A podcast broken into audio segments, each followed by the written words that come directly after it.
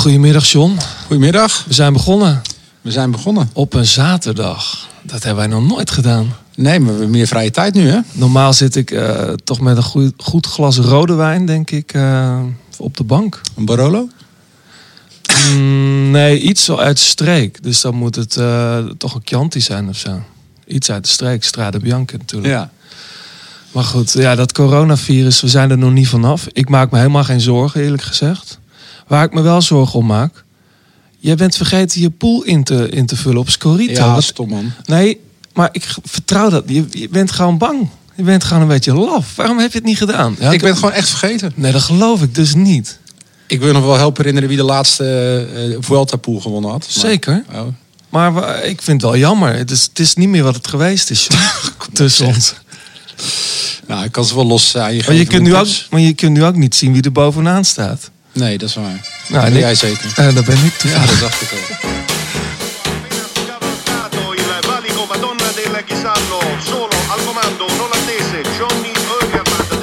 Dat is de liefde. De liefde voor de koers. Blijleven trok de sprint aan. Toen kwam John den Braber eroverheen. En John den Braber wordt de nieuwe kampioen van Nederland.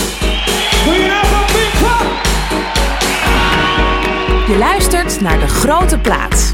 Een podcast van oud-wielerprof en muziekjournalist John den Braber... en muzikant, zanger en wieler vanuit Blauwtsoen. Zij nemen samen de meest opmerkelijke gebeurtenissen in het profpeloton door... bespreken hun favoriete nieuwe muziek... en gaan op zoek naar het muzikale hart van renners... en het wielerhart van artiesten.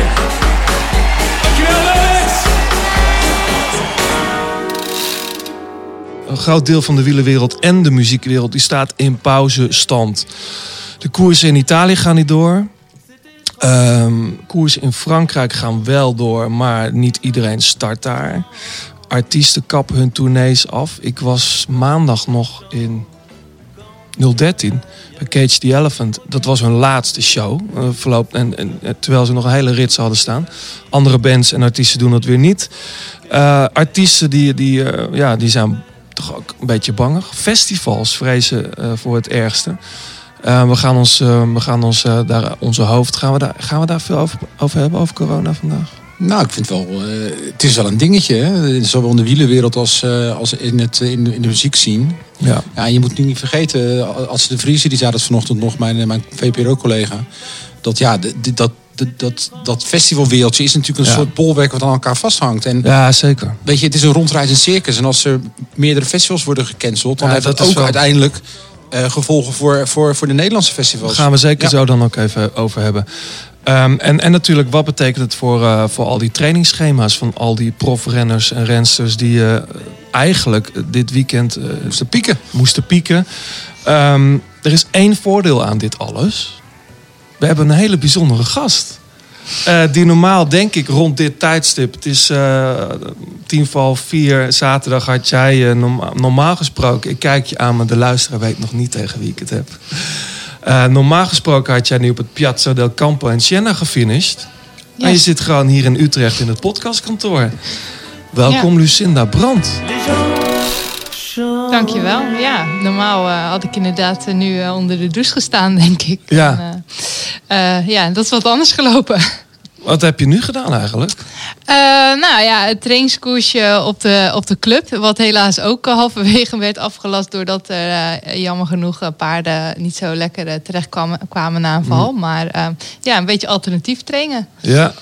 ja, want ik zag op je Strava dat je van de week al een soort alternatieve straden had gereden.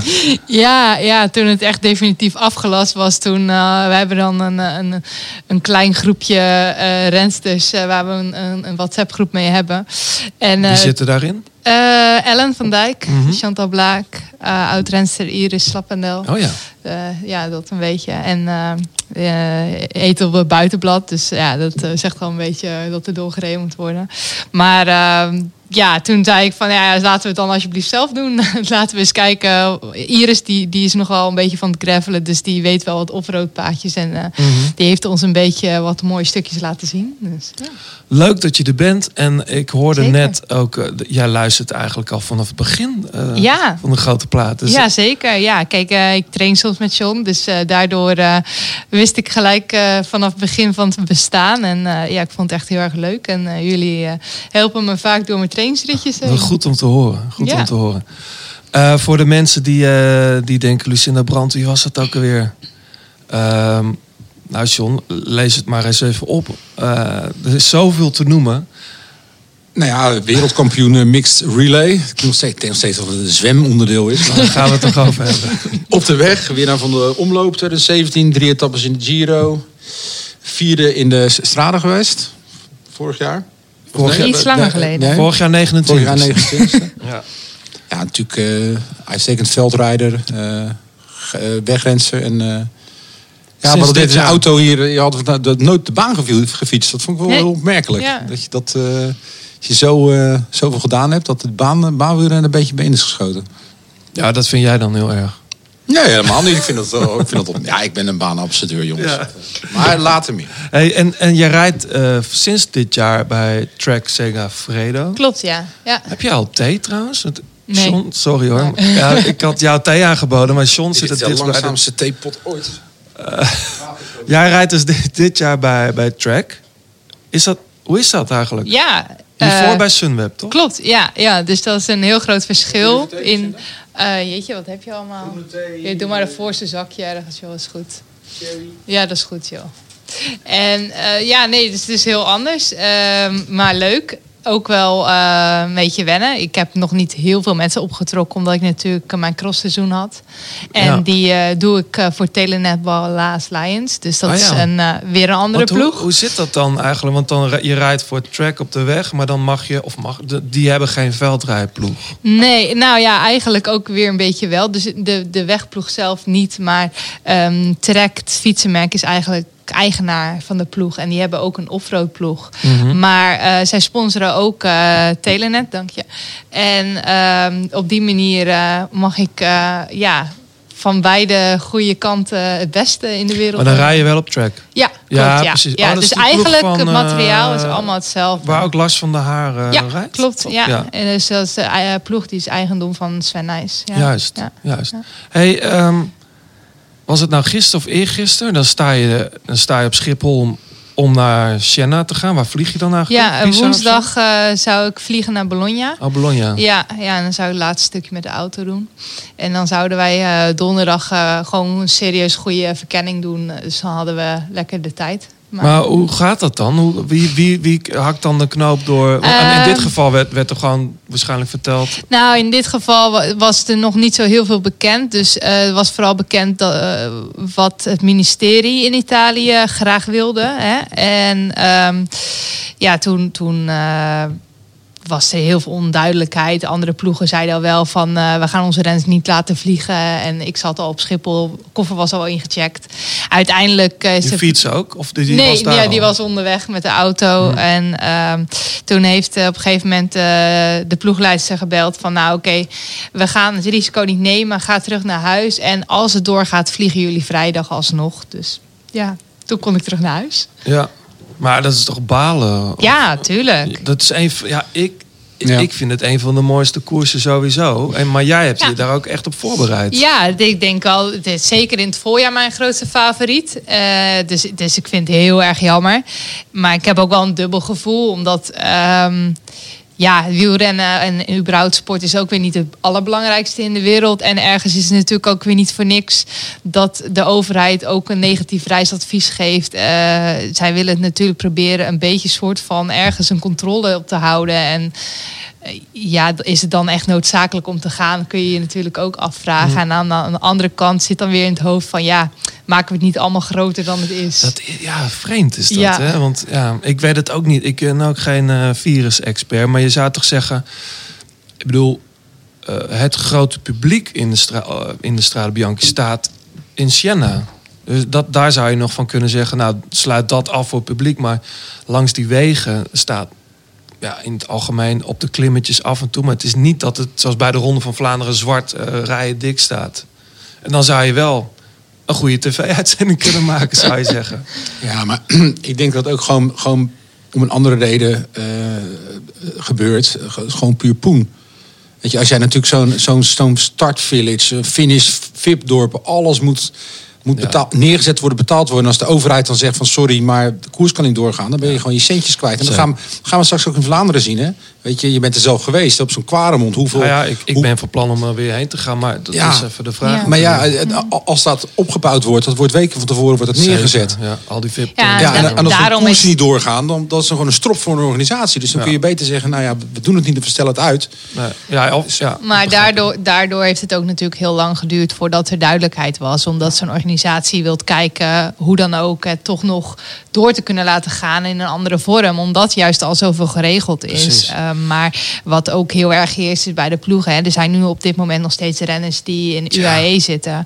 En die zitten daar zonder ziek te zijn. Eh, die vreselijk, kunnen geen ja. kant op. Ik zag en, eh, beelden van eh, Viviani, eh, de broers, die eh, zich op de gang vermaken met rare spelletjes. Ramos en, Sinkeldam en eh, dat je vastzit is al heel vervelend. Maar er is ook heel veel onduidelijkheid. Mijn broer heeft daar ook een paar dagen vastgezeten. En er is gewoon hele slechte informatie. Je weet Want jouw gewoon broer, niet. die, die Mijn broer die eh, werkt als mechanieker bij Jumbo. En Ja. eh, die was ook in die wedstrijd. En Ja. die mochten gelukkig redelijk snel weer, weer naar huis. Precies. Maar ja, het is gewoon heel onzeker. En je zit er niet op te wachten dat je dan nog weer ergens een keer vastkomt. Nee, en dat hoorde ik ook wel ook van, eh, vanuit Jumbo-Visma. Die hadden natuurlijk al aangegeven, gaan niet in Italië rijden... nog voordat de strade werd gecanceld. Ook omdat ze zeggen, ja, er zal maar gewoon de huis, tuin en keukenvalpartij zijn. En je moet toch naar het ziekenhuis. Dat gebeurt gewoon in de koers. Naar welk ziekenhuis moet je dan? Is Ja. dat ziekenhuis dan wel eh, in de buurt of, of is dat ziekenhuis dan wel veilig? Dus er spelen heel veel dingen. Maar, Maar- jij, jij zit natuurlijk midden in het peloton. Is het iets wat leeft in, in, in het wielerpeloton? Zijn, zijn renners en renners er echt bang voor? Of? Nou, dat idee heb ik niet echt. Het zal misschien ook wel een beetje verschillen per persoon. Kijk, maar aan de andere kant is het natuurlijk wel... Kijk, ja, je hebt normaal dat met griep ook. Maar jij weet ook dat in een peloton... Ja, eh, iedereen zit een beetje te snuffelen en te spugen en te zeker als je tegen topvorm aan zit. toch? Ja, en, ja, en, weerstand is laag. en je weerstand is Ja, laag, maar, uit, maar je bent ook gewoon zo dicht op elkaar. En, en iedereen heeft wel eens een keer een snotje van een ander opgevangen, hoe vies het ook is. Maar ja, dus het feit dat de UCI ons ging, ging opleggen dat we dan allemaal met onze eigen pen moesten gaan tekenen op het tekenblad. Daar moest ik wel heel erg om Ja. lachen, omdat we allemaal vijf centimeter van elkaar zitten in zo'n peloton. Dus ehm, ja, ik, ik vind het. Iedereen heeft een beetje die mixed feelings, heb ik het gevoel. Degene die ik spreek. eh, dat veel onduidelijk is. En van ja, in hoeverre moeten we het nou echt eh, groter maken dan het is. Ja. Ja, en de vraag is natuurlijk wanneer, want de Stra- Strade en Milaan Sanremo worden waarschijnlijk uitgesteld. Wanneer komen ze dan op de agenda? Eh, je werkt er ook natuurlijk naartoe als renner. Ja, ja, zeker. Kijk, het is natuurlijk super mooi als zo'n wedstrijd uiteindelijk nog weer ergens op de kalender kan komen. Alleen de vraag is, past die dan in jouw agenda? Ja. En eh, hoe is je vorm dan? Ja, Ja, als jij zag echt Anne inderdaad... van der Breggen eh, ook eh, op, op, eh, op ergens zeggen van, weet je, in topsport is planning is alles. Ja, zeker. En dat, ja, dat geldt voor mij ook. Ik voelde me al hartstikke goed. En nu moet je buiten het feit dat je dan eh, dat de wedstrijden wegvallen. nou ja, dan ga je proberen op een andere manier te trainen om een bepaalde prikkel wel te houden. Maar eh, ja, hoe ga je die vasthouden en hoe, waar ga je dan op focussen? En ja, dat zijn wel even Ja, dingen ik- waar je in moet schakelen. Het is niet vanochtend, eh, vanochtend even met Louis de, de La Haye aan het appen. Luigi. eh, voor, Voor Intimi. De, hij is trainer van onder andere Marianne Vos, van, van Robert Geesink en van Annemiek van Vleuten. En die zegt, het is eigenlijk heel simpel. Ik, ik heb iedereen die ik begeleid, heb ik nu gewoon een soort mentale rust gegeven. Dus doe lekker waar je zin in hebt de komende dagen. Ik zag dat Geesink gisteren aan het stappen was in Girona. Ik weet niet of hij daar goed kan stappen, maar Vast wel. ja. Ehm, en dan vervolgens gewoon nieuwe doelen stellen. Dus weer, maar alleen de vraag is, stel je dan weer een doel voor een wedstrijd die niet doorgaat? Dat weet je niet. Nee, precies. Nou ja, kijk, in het geval van Mitchelton bijvoorbeeld, eh, die, die, die weten in ieder geval dat ze de komende weken niet rijden, want die hebben zichzelf overal voor uitgeschreven. Dus er is nog een soort van duidelijkheid. Maar ehm, ja, ja, nou, ja, ik persoonlijk wil wel gewoon een bepaald trainings eh, schema hebben. Dat ik in ieder geval wel een doel heb in mijn trainingen. Want anders Ja. voel ik me eigenlijk toch wel een beetje ja, doelloos rondrijden. Daar ben ik niet echt van. Dat vind ik niet zo fijn. Dus, maar dat zal ook per persoon verschillen. Ja. Praten we zo nog even over verder. John, waar, waar kennen jullie elkaar van? Want jullie komen hier nu gezamenlijk heen. Jullie hebben samen een koersje gereden, clubkoers bij, ehm, De Mol bij in de Mol Dordrecht. In Dordrecht. De vereniging van Lucinda. Toch? Ja. Zeker. Oh ja, absoluut. is- ja, ja. ja. Ja, Maar daar, daar rij je ook wel eens competitie. Ja, op, op, op, op, zon- op eh, zaterdagochtend is daar, een, is daar een clubwedstrijdje. En eh, daar, rijd ik, daar rijd ik altijd mee. Maar wij zijn elkaar eigenlijk... Ja, best wel een grappige manier. Want ik was net weer begonnen met, met, met fietsen. En eh, ik reed bij de Brienoordbrug. En ik zie voor me zo'n rood-blauwe trui rijden. met fietsen nadat je gestopt Ja, was. ik was om weer Ja. een beetje fit te worden. En ik zie hun vet zo'n rood-blauwe trui rijden. En ik denk, hé, daar rijd ik even naartoe. Dan kan ik het wiel gaan zitten. Dus ik ging bij Lucinda dus in het wiel zitten. Alleen, ja, weet je, ik weet hoe shit dat is als iemand in je wiel gaat zitten. Dat is gewoon heel vervelend. Als jij een goede renner bent en er gaat een trimmer in je wiel zitten. Dat voelt gewoon, eh, ja, hè? Dat, dat, Ja. dat, voelt een beetje intimiderend. Alsof iemand zo heel achter je staat. Maar goed, ik had dus eh, een kilometertje achter haar gezeten. En toen ben ik ernaast zei ik, "Zo, je vindt toch niet echt dat ik aan je wiel zit? Nee, dat geeft helemaal niet. Toen raakten we aan de praten. En toen, eh, dus zodoende. Dat was hem. Leuk, leuk. Ja, Lucinda, jij hebt ook favoriete muziek meegenomen. Ehm, daar gaan we straks één, waarschijnlijk één van die plaatjes, platen gaan we draaien. Ik hele interessante keuze. Oké. Eh, en ik ben heel benieuwd naar de verhalen erachter. Het grootste en mooiste nieuws kwam natuurlijk uit België deze week. Voor de oplettende kijker. Ja, Vond je, vind je dat? Nou, ik vind het toch leuk. Ik hoop ook dat hij het gaat doen. Waarom? Weet je waar we het over hebben, Lucinda? Ik weet niet waar je heen wilt. Nou, nee. Tom Bonen heeft gefluisterd dat hij misschien een comeback wil maken... om het Oh. voor de vijfde keer Roubaix te winnen.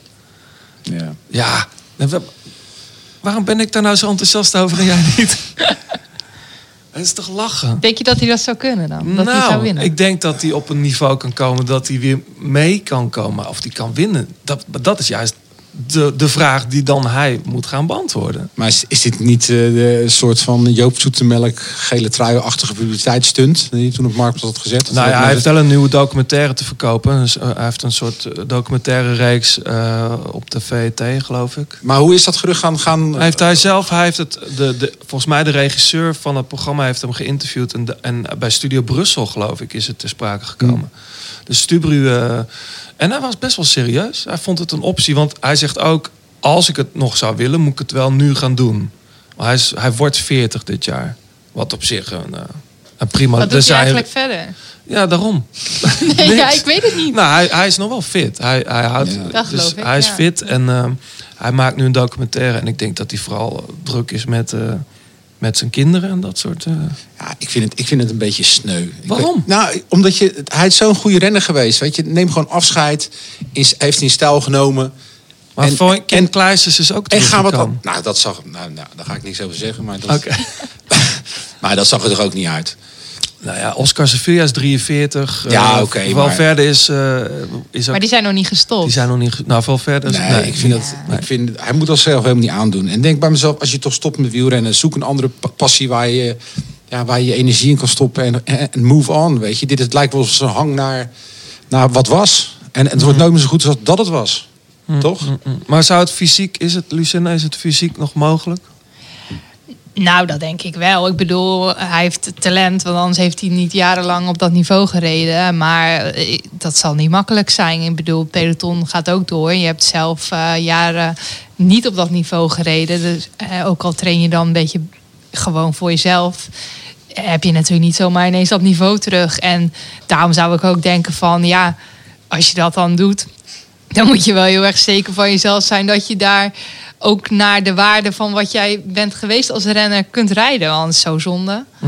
Dat zou ik zelf ook nooit. eh, Maar misschien vindt hij het spelletje gewoon wel leuk. ja, Nou, dan moet hij lekker bij ons op de mol komen rijden. ja, dan kan hij best spelen daar hoor. Deze eh, ja. uitgenodigd. Nee, weet je, met alle respect voor, voor Tom. Het is een groot kampioen. Maar hij moet dit zichzelf niet aandoen. Oké. John, jou nog iets opgevallen? Nou, best wel veel. Ja. Eigenlijk.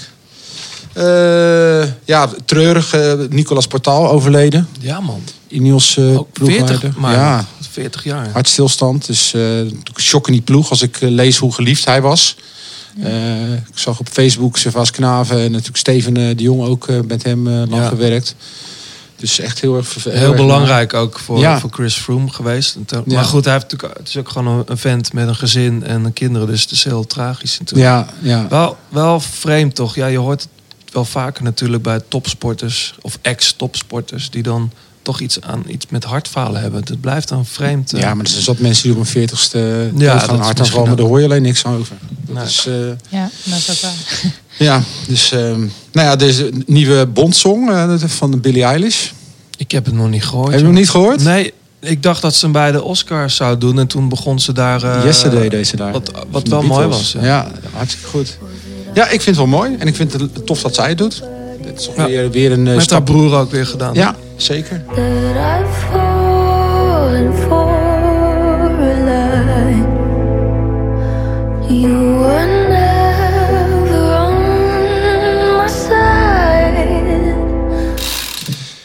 Nou, dan hebben we natuurlijk de eerste bands die hun, eh, hun tours eh, cancelen. Eh, Wolf Alice, die, ze- of Wolf Parade zou in, in Tivoli spelen. En die, die komen dus niet. Geen Europese tour. Tomorrowland, de wintereditie gaat niet door. Ultra Miami, South by Southwest. Natuurlijk, ja, Ja, maar dat vind ik wel heel naar. Want Ja. vooral voor die kleine, kleine artiesten, weet je wel. Ja. Er zijn ook een aantal Nederlandse eh, bands die erheen gaan. ja, misschien voor de mensen die ja, het niet South by, kennen. South by Southwest is een heel groot showcase festival. Met je, Dus het mega Eurosonic. eh, ja, dus ja. er komen allerlei artiesten uit de hele wereld naartoe om daar te laten zien wat ze kunnen en wat ze in huis hebben. Tegenwoordig ook wel heel veel grote namen, maar ook veel onbekendere artiesten of die net beginnen en die kunnen zich daar presenteren. En dat is voor heel veel artiesten uiteindelijk een hele belangrijke stap eh, in hun carrière, zeg maar. Want of ja, je begint in. Amerika Ja. of maar, gek genoeg breken veel- heel veel artiesten ook daarna in Europa door, omdat ze zich daar hebben laten zien. Ehm, en dat is, eh, ik vind dat, kijk, voor al die grote artiesten met de grote labels achter zich, is het jammer. Maar vooral, weet je, de kleine artiesten die daar eh, vaak met eigen geld naartoe gaan investeren. Eh, en, dat, en eh, vaak die investeringen al gedaan hebben en daar nu niet heen kunnen. Dat is wel heel, eh, heel treurig. Ja, dus ik hoop, zuur. ja, wie weet is daar ook nog wel iets voor, iets voor te verzinnen dat dat later plaatsvindt. Maar eh, Ja. ja. het is vreemd hoe dat allemaal door zo'n door zo'n griepje on, ondersteboven gaat. Ja. Maar ja, inderdaad, wat, waar we het net al over hadden. Wat, wat gaat dit voor het festivalseizoen betekenen? Hoeveel bands gaan hun, eh, eh, gaan hun tours cancelen? En, en ja, weet je, dat wordt een soort domino-effect dan. Ook richting Nederland. En ik, ik had ook gelezen dat volgens mij Bruins had gezegd, de minister... dat bij duizend besmetting of zo... dan zou er pas echt serieus worden gekeken naar evenementen aflasten. Dus eh, het wordt eventjes afwachten wat er gaat gebeuren. Maar gelukkig worden er nog wel mooie releases uitgebracht. Zoals ben ik heel erg onder de indruk van de Thundercat plaat. Nog niet gehoord, maar Nee, die kreeg ik opgestuurd. Echt, eh, echt te gek. Eh, nou, jij eh, komt nog straks met, met Princess Nokia. ja, wil ik even iets van laten horen. Ja, ook heerlijk. En ja, Deep Purple komt met een album in juni. Worden we daar nog enthousiast van? Of Nee, opa. is dat echt... Oké, boomer. Nee, ja, Deep Purple. nee. Nee. Nee, dat zou ik zelfs... Nee. Jij dus wel? Jij gaat Nee, helemaal niet. checken. Oh. Nee, maar het is gewoon een, een iconische band. Dus eh, ik, eh, het is een beetje een soort Tom Bonen actie. eh want zomaar. Godsamme, Oké, reacties. We gaan naar de reacties. Yes, die pak ik er even bij. Nou, we kregen heel veel felicitaties. Want we bestonden een jaar.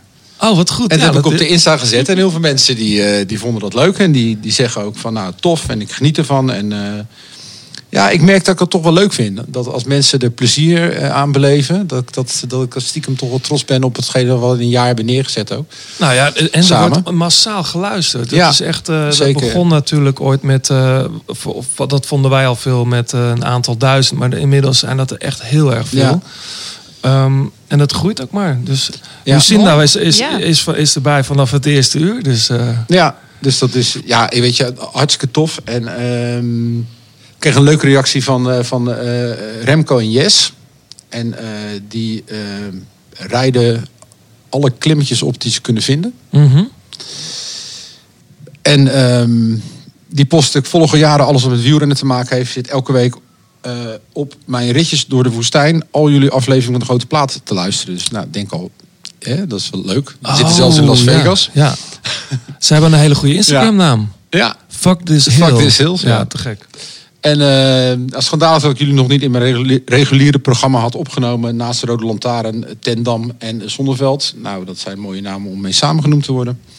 Zelf vier jaar in Toronto gewoond. Zit nu al een jaar in Vegas. Uh, fietsen is hier geweldig. Mocht je in de buurt zijn, goed opkomende muziek zien. Ik dacht dat je alleen maar daar uitgerangeerde eh casinozangers had. Maar daar is blijkbaar dus ook een broeiende Nou ja, Celine Dion speelt het toch elke avond? Of is ja, dat, niet bedoel ik. Nou, dat is toch een beetje het niveau. Eh, nieuwe brouwerijen, dat vinden we altijd leuk. Mhm.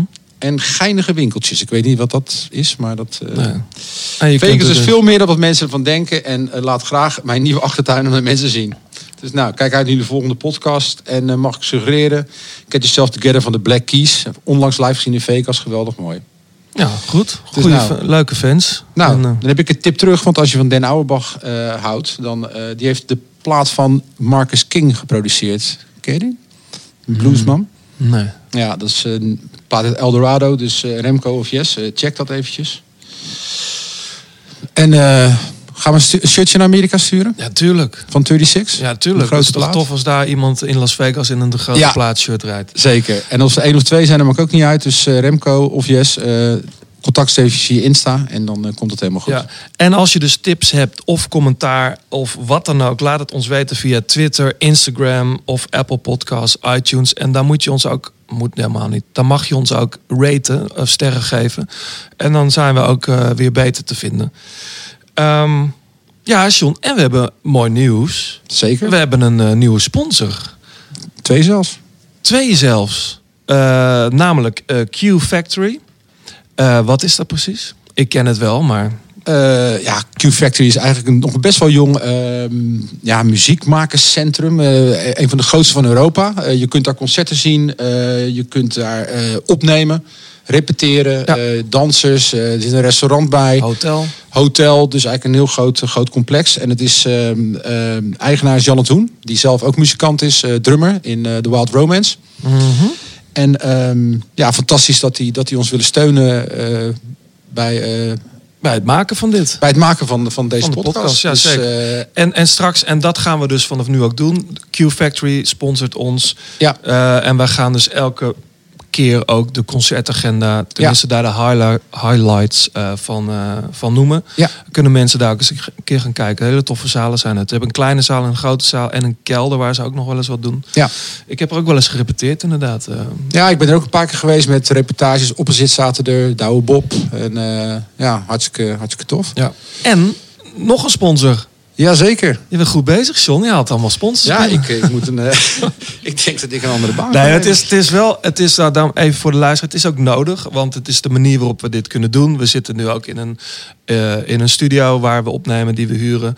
Eh, het moet gemonteerd worden, dus dat is de reden. We willen graag de podcast op een hoog niveau houden en daar, daar zijn die sponsors ook voor Ja. nodig. Ja, De andere sponsor is, dat is Artivelo. dat ken ik. Dat zijn bike dogs. Hele mooie bike dogs. Waar je dus zeg maar je fiets aan de muur kunt hangen. Ook in je Ja. woonkamer. Je kunt gelijk je, je Garmin of je Wahoo eh, kun je erin inzetten. Je schoenen aanhangen. Het is echt een soort kunstwerkje. En ehm, mensen die het willen checken moeten maar eventjes eh, de, op- uiteraard Artivelo op Instagram opzoeken. Maar ook Nicky Terpstra. Die heeft zijn Parijs-Roubaix fiets. En zijn Ronde van Vlaanderen fiets. eh, heeft hij met een Artivelo in zijn kelder. Heel mooi met een kei tof. eronder en een prijs. Dus eh, check zijn Insta eventjes. Artivelo.com slash Netherlands, volgens mij. Ja, dus, eh, en eh, Oscar Verhul, de eigenaar, die is met veel meer plannen bezig. Hij heeft ook wielenkleding heeft hij al, dus eh, Leuk. er komen leuke dingen aan. Dus eh, welkom mensen bij de grote plaat. Ja, welkom. We gaan naar muziek. De grote plaat kopgroep.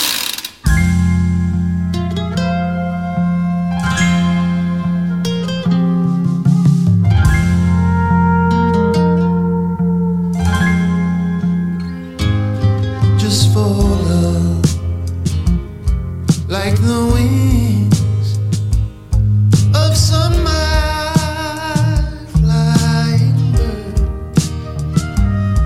of the I will sing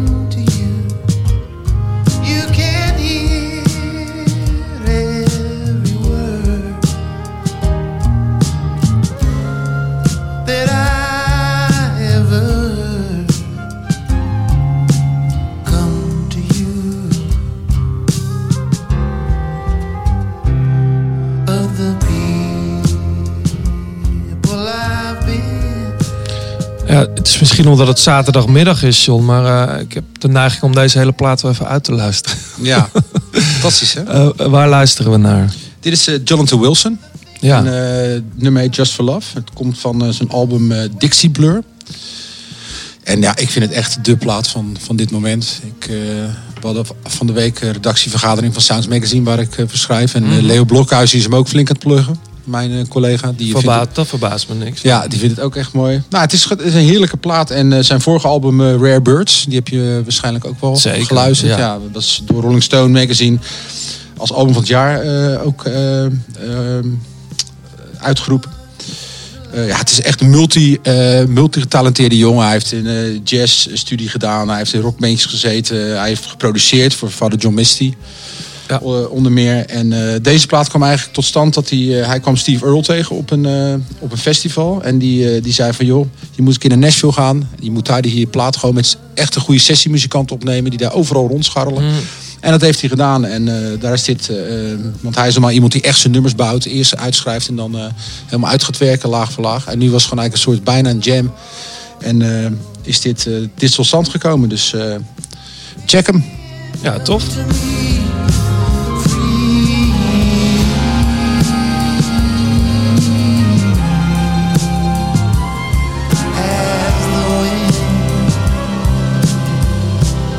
Jonathan Wilson, Dixie Blur. En die staat natuurlijk ook in de grote plaat Songs. Ja. Dat is een playlist die jij maakt op Spotify. Ja. Het podium van de grote plaat. Gaan we naar het podium, Lucinda? Dat ken jij. Jij Ja. weet wat we doen. Ja, zeker. Eh, in het podium... dat, hè? Ja, ik leg het nog wel even uit voor de luisteraars die nieuw zijn. In het podium eh, eh, zetten wij vijf namen op een rij. eh, waarvan we samen één nummer één uit, uit kiezen. Dat zijn, kunnen ook momenten zijn. Maar het zijn heel vaak ook personen of eh, gebeurtenissen in de afgelopen periode. Eh, in het wielrennen. Ehm, de eerste naam, die mag jij noemen, John. Nou, dan begin ik met de relatief kleinste naam. Ook best korte naam eigenlijk. David Dekker. Nou ja, ik, eh, ik ben aan boord. Ja, ja je, had hem, je had hem gegeven. Ik wilde een hem ook gast, erbij hoor. hebben, want ik, ik heb echt genoten van die jongen. Ken jij hem, Lucinda? David Dekker? Nee, kennen is een groot woord. Zijn Maar, vader wel, eh, is ik wou net Erik Dekker. Ja, precies. Eh, de familie kennen we sowieso natuurlijk. Maar eh, het is te veel om te zeggen dat ik hem ken. Nou, hij, hij rijdt bij SEG. Ja. Eh, dat is die, ja, ik noem het maar een opleidingsploeg. Ja, dat is precies wat het is. Ja, Internationale opleidingsploeg. vanuit het management SEG. Ja. Eh, dat is volgens mij zijn eerste jaar daar, denk ik. Dat denk ik wel eigenlijk. Want vorig jaar, ik denk dat ik hem nog in, in Roubaix heb gezien. Of eh, onder de, of, eh, ja, bij de jeugd. eh, denk Ik weet eigenlijk niet hoe oud hij, hoe oud hij 19 is maar hij. is, ja, dan is hij, was hij vorig jaar nog junior. En ik heb hem volgens mij reed hij volgens mij Roubaix ook podium vorig jaar. Ja, met die eh, van Veenendaal.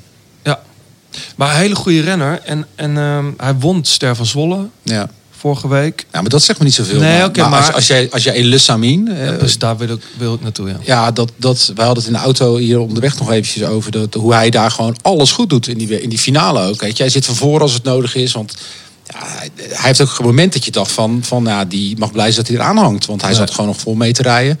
ja. En, eh, Iets te vol misschien, want de laatste kilometer had hij kramp, eh, begreep ik. ja, maar kijk, dat hij steeds op de goede plek zit, dat laat ook zien. Kijk, hij komt uit een wielenfamilie natuurlijk, maar dat hij wel echt ook een complete renner is. En dat hij, dat hij precies weet wat hij doet. En natuurlijk, als je in vorm bent, dan, dan gaat het altijd wat makkelijker.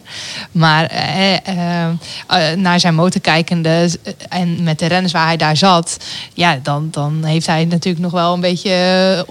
Te, eh, zit hij nog een beetje onderaan Ja, natuurlijk. ja. hè? En eh, ja, da- en dat je dan toch het voor elkaar krijgt om op het podium te komen. Natuurlijk is het lekker als je rappe benen hebt. Maar na zo'n koers nog rappe benen hebben is echt een wonder op zich natuurlijk. Ja, Ja, Dat is maar als echt, hij uit, eh, uit, uit, uit, uit zevende positie was gegaan, had, dan had hij zesde geworden. Ja, Dus hij ja, zat gewoon, ja. toen de spurt aanging, zat hij goed. En hij, heeft hij kon niet meer staan. Hij kon niet meer staan, dus het was, eh, het was een slimme, slimme jongen. Maar wel goed, ik zat te kijken en ik dacht van, wow, die, weet je wel, die gaat, er, die gaat er zo dan wel af. Want dan is het klaar, maar hij bleef maar gaan. Dus, Ja. eh, Nou ja, als je als zo'n of bij, bij, een, bij een continentaal ploeg in zo'n koers gewoon podium rijdt. Dat, want er reden natuurlijk geen klootzakken in die finale. Nee. Het was gewoon echt een heel goed deelnemersveld.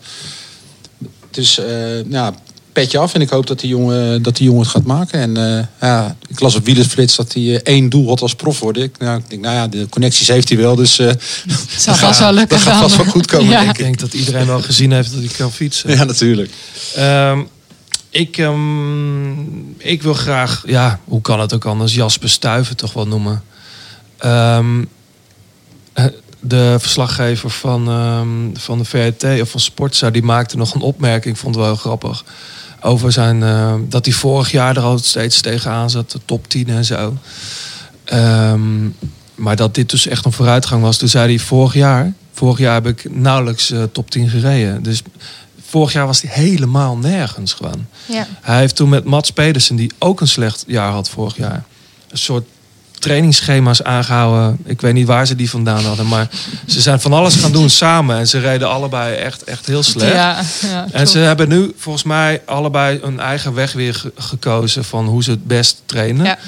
En Jasper Stuyven is ook gewoon weer, gewoon weer gaan eten. Ja, dit klinkt stom, maar die had ook een, een soort... Jij zit te lachen, Lucien. Ja, ik heb ook het interview gelezen. En Ja. eh, het is Ja, wel een ploeggenoot van mij. Maar ik heb hem natuurlijk dus eigenlijk nauwelijks gezien.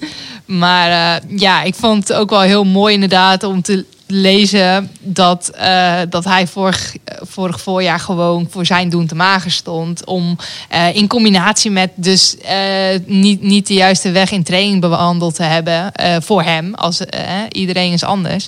En ik vond het wel fijn om een keer te lezen van nou, nu sta ik wat minder scherp. En ja, dat bewijst maar weer dat je misschien in het voorjaar inderdaad iets minder scherp moet Ja. of hoeft te staan. En dat vond ik toch ook wel een fijn bericht. En, en een goed snorretje wel. Of, dat is me niet opgevallen Nee? eigenlijk. Nee, ze- ik nee. vond het wel mooi. Ja. Maar, maar eh, trouwens, hoe, hoe vaak zie jij die mannen eigenlijk? Jouw Nou, mannelijke ehm, collega's? de- ja, ze zijn, eh, ik was daar niet bij, maar ze zijn in december eh, in Italië met elkaar op trainingskamp geweest. Sicilië? Sicilië. Ja. En, Hoezo was jij daar niet bij dan? Ja, ik, ik had vrij. Nee, ik, ik was al zelf op trainingsstage ook een week eerder. En, ehm, en toen heb ik eh, het, ja, toen zeiden ze van doe gewoon je eigen stage Mm, als mm. voorbereiding op de cross. Ja, dat En- is ook zo. Ja, en ehm, daarvoor hebben we wel al in oktober een week eh, met elkaar in Amerika gehad. Maar dat was vooral zonder fiets, wat overigens heel gezellig was. Mhm. En dan leer je iedereen ook gewoon goed kennen. Dat is Ja. erg leuk. Ja. Ja, tof. Ja. Ehm, ik, heb, eh, ik heb nog wat namen in de aanbieding. John is koffie aan het inschenken. Ehm, ja, één iemand die we echt niet, niet mogen noemen. Dat is natuurlijk Tim de Klerk. Ja, Toch? de ode, de ode aan de knecht. Ja, maar gaat, gaat hij... Ik bedoel, iedereen die de omloop heeft gezien en Kuurne heeft gezien hoe hard die man kan fietsen, dat wisten we al. En nu ging hij ook best wel lang mee in de finale. Ehm, gaat hij ooit zelf een keer een wedstrijd Nee, winnen? dat durft hij volgens mij niet eens. Nee? nee. Weet je wat het soms gewoon is ook? En kijk, ik zie hem daar eigenlijk nooit rijden. Want als ik al iets terugzie van de mannenkoers, dan is het een finale. Nou, daar rijdt hij dus dan niet meer. Maar hij weet niet beter. Hij weet niet beter dan dat hij vanaf het begin gewoon zo snoeihard rijdt voor een ander. En ik heb het ook wel eens gehad met ploeggenoten dat, dat ehm, ja, die kwaliteiten soms onderschat worden. En dat ik denk, ja, maar als ik het zou moeten doen, die, die toch vaak zich in het begin mag sparen. Ik, ik kan het helemaal niet. Dan kan ik helemaal niet zo lang mee. En soms zijn knechten gewoon stiekem misschien nog wel eh, sterker dan, dan, dan de kopman of vrouw zelf. Alleen eh, die hebben dan misschien net even een bepaalde kwaliteit waarmee ze het beter kunnen afmaken. Maar is, is het vrouwenpeloton dan ook zo'n zo'n zo'n stringente hi- eh, hiërarchie? Nou, nog niet zoals je dat bij de mannen ziet. Want ik kan me voorstellen, kijk, zo'n Tim de Klerk... die wordt waarschijnlijk eh, heel goed betaald voor hetgene wat hij Ja, doet. precies. En dat is En dat natuurlijk... zal bij jullie natuurlijk niet zo zijn met de mindere rensters. Nee, dus, dus wat je vaak ziet is... De, bij Sunweb hadden we bijvoorbeeld Julia Soek. Nou, dit, dit is echt eh, de meesterknecht eh, in mijn ogen. Eh, maar inderdaad in mijn ogen dan dus ook onderbetaald. Maar de, die kon je overal inzetten. En die, die, die rijdt overal voor iedereen op kop. Dat, maar meestal zie je daar toch een beetje een, eh, toch ook wel gewoon renners. Hè, en een koers die mij iets minder ligt. Of waarin ik me minder ehm, ja, mijn doelen van heb gemaakt. Dat ik me al wat eerder inzet. Of jonge rensters hè, die ervaring moeten gaan opdoen. Die dan naast een ervaren renner dat soort rollen ja, doen. Mm. En dat is al heel anders in de mannenwielrennen. Ja. Mm. Ja. Hey, een andere naam nog in de top 5, John. Eh, Het jouw, jouw goede vriendin Chantal Blaak. ja. Ik, eh, die deed een, eh, van Vleutertje in eh Le Samin. Goed Ja. in vorm. Ik heb het niet gezien. Maar, Nee? nee ik Was een mooie koers. niet- Ja, hè? Ja. Nou ja, tenminste bij de vrouwen was het de ZTV aan een blaakree op kop. maar, maar Chantal is, ja, Lucinda kent haar natuurlijk goed. ook een beetje een laadbloeier. Heeft best wel lang... Nee, Chantal die... de die Ronde van Drenthe was een beetje haar doorbraak toen volgens ja, mij. Die, die won. ze heeft gewoon al wat goede seizoenen gehad. En dan eh, weer een, een seizoen wat stabieler, maar wat minder in de picture. En ook wel afgelopen jaar bijvoorbeeld ook wat blessure leed. En ja, dus zij is echt, eh, ja, echt eh, dit, deze koersen zoals Samijn, dat zijn echt haar koersen. Dat, dat kan ze echt Ja. vliegen. Die ja. heeft ze denk al eerder gewonnen. ja, ook, hè? zeker. Ja, volgens mij al de derde keer nu. Ja. Is zij misschien een beetje onderschatte renster? Nou, niet in een peloton hoor. Misschien bij de buitenwacht. Ja, maar in peloton zeker niet. Nee. Als Chantal gaat, dan eh, wil je maar wat graag op het wiel zitten. Ja. Ja.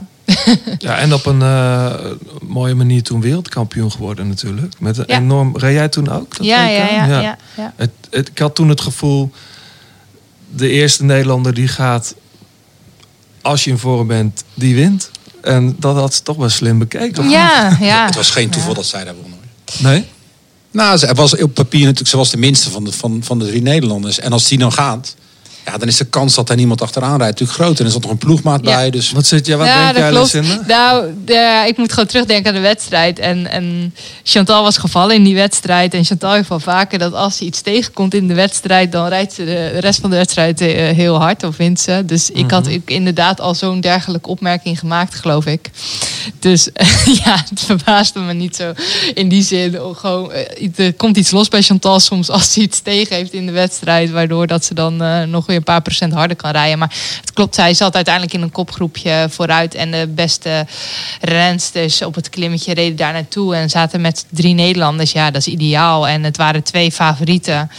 Eh, ja, dus dan gaat de derde ermee heen. Eh, Dat is ja, ideaal natuurlijk. En Chantal is iemand die, die weet gewoon ook hoe je moet koersen. Dus die, ja.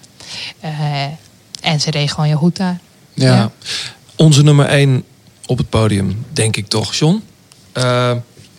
Harry, Harry, ja. Harry Lafrijzen. Is Harry al eh, zo'n Harry dat we alleen zijn voornaam of Nou, kunnen gebruiken? laten we Nee, dat gewoon gaan doen. Ja, Harry. Harry. Maar niet, ja, natuurlijk Harry, eh Harry Lafrijse, drie maal wereldkampioen op de piste. Ehm, Is in het BMX begonnen, hè? ja. ja, maar het is Edis Lichtley ook. En, Ja. eh, Heel veel van die sprinters, Heel veel van die sprinters die, eh, die, die hebben daar hun eerste, eerste omwentelingen op een fiets gedaan. Ehm, maar eh, ja, fantastisch. Eh, Olympisch jaar, iedereen komt op volle oorlogsterkte aan het wereldkampioen in Berlijn. En eh, ja, ze declasseren gewoon iedereen. En ik vind het echt een grote klasse wat daar gebeurt, die baan. Daar wordt echt met heel weinig geld wordt heel veel gedaan. Hè. Mensen denken overal wordt geld in gepompt. in short track is jarenlang geld gepompt en er kwam nooit wat uit. En nu zijn er eindelijk successen. Maar baanwielrennen ja, is gewoon altijd een beetje een zorgenkindje geweest. Ehm, en Hardy is natuurlijk niet alleen, want eh, hem noemen is natuurlijk ook eh, eh, die andere jongens, eh, Jeffrey Hoogland, Matthijs Bugli, Roy van den Berg. ja, die staan voor mij allemaal op één. Ik vind die baanploeg heeft het echt fantastisch gedaan. En pure promotie voor het Nederlands wielrennen. Ja, ja te gek. En dan nou maar hopen dat de Olympische Spelen doorgaan. Ja, dat zal toch wel. Ehm, hoe, hoe ben jij eigenlijk begonnen met, met wielrennen, Lucinda? Want niet op de BMX, denk ik. Nee, nee, nee, zeker niet op de BMX. Eh nou ja, op de racefiets. Eh, wel al heel jong. Eh, ik denk dat ik nog geen acht was. En familie fietste allemaal al. Grote broer die maar reed al wedstrijdjes op de club. Dus ja, dan wil je graag hetzelfde doen natuurlijk. Dus ja, zo erin gerold. Ja. En, en wat, wa- wa- wanneer begon jij te denken, ik, ik wil hier echt... Ik wil Oh. hier echt iets mee. Het is meer dan Ja. een hobby of meer dan... Dat heeft eigenlijk heel lang geduurd. Ehm, ik, ik was een beetje een lanterfant, of ja, hoe je het ook noemen wilt. Ik, ik, deed, ik vond vooral die wedstrijdjes leuk. Dat al, alles eromheen, dat, dat vond ik helemaal niks. Zelfs als, als jeugdrenster hebben mijn ouders me zelfs al een keer voor de voorjaarscompetitie gehouden. Omdat ik niet genoeg gedaan had in de winter. Ja, ouders hielden je dan weg. Discipline. Ja, ja, ja, nou ja, goed. Misschien had ze wel eh, recht van spreken. En eh, nee, ja, eh, als nieuwelingmeisje dan ging ik op zich wel steeds wat beter rijden. En dan reed je ook met de juniormeisjes. Dus eigenlijk vier zes jaren bij elkaar.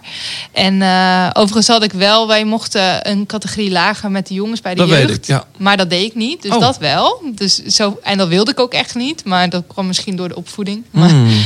ehm, maar goed, bij Op nieuwelingen... zich is dat wel trouwens een, een goed ding. Want ik Ja. weet, in België doen ze dat volgens mij niet. En die, ze- en die zijn kijken altijd heel jaloers naar het Nederlandse vrouwenwielrennen. Ja, nou, tegenwoordig is de regel ook alweer anders hoor. Eh, want eh, nu moet je echt dispensatie vragen om, om in de juiste leeftijdscategorie te rijden. Hetzelfde als de jongens, zeg maar. Dus, maar ja, uiteindelijk bij de nieuwelingen rij je, rij je gewoon apart. En eh nou, het einde van het jaar ging ik steeds wel beter rijden. Kon ik met de junioren vaak wel mee blijven gaan en zo. En toen werd ik soms een klein beetje fanatieker, nog niet heel erg. En verklaarde ik mijn vader voor gek als hij met mij 2,5, 3 uur wilde fietsen. Zodat ik wat meer voorbereid was op een wat langere klassieker. en eh, ja, al met al, uiteindelijk als junior ging het wel ook steeds beter. En toen wilde ik toch wel ook heel graag eh, kijken of ik daar mee aan kon. En eh, heb ik het eerste jaar als belofte nog gewoon bij de club gereden, maar wel voor een club gekozen die ook soms naar het buitenland ging en de klassiekers kon rijden. En toen eh, aan het einde van het jaar had ik me in de picture gereden. Dus dat was wel eh, heel vet. Ja. Ja. Ja. En je bent in 2009 dan bij leontien.nl. Ja, dat was je eerste contract. zeg Ja, maar. ja, Ik had hem even inderdaad. opgezocht trouwens. Ja. Wat dan? Nou, ik, Ja, normaal neemt John, Het contract of normaal, normaal neemt John nog wel eens een shirt mee. Van, kijk, het is, weet het is je niet nog... echt een hele goede foto, maar dit, dit is Ja, ja. dit- bij? Leontien. Oh, maar ja. als, als, als, jij nu, als jij nu deze jonge vrouw ziet, wat, wat, wat, wat zie je dan? Nou ja, wel heel veel blijdschap. Maar ja, gewoon een jong grietje die, die eigenlijk als ik daar nu op terugkijk natuurlijk... eh, ja, zo bleu en eh, helemaal nog geen idee hebben van. Ja. Onervaren eigenlijk. Ja. Maar ook daardoor juist eh, er wel gewoon lekker invloog. En ja, wel zagwaartsschip stranden eigenlijk. Ja. Maar als je dat verhaal vertelt van hoe je bij, bij de jeugdcategorieën was... naar, wat, naar de vrouw die je nu bent. Hè? Je bent een op- en top prof. ja. Waar, hoe, hoe, is, hoe is dat gekomen? Is dat een geleidelijk proces geweest? of Nou, heb je de- kijk, toen ik voor... Ik ging met mijn vader eh, op gesprek bij Leontien. En ehm, Bij Leontien zelf dan, Ja, hè? ja Leontien gewoon aan de keukentafel. Oh ja? en eh, nou, wij naar huis na het gesprek. En het eerste wat mijn vader zei van... Ja, ja, kijk, als je dit wilt... dan weet je één ding wel... dat je moet gaan trainen. Want als Leontien jou gaat trainen... Dan, dan moet je wel gaan trainen. Ik ja, ja, ja.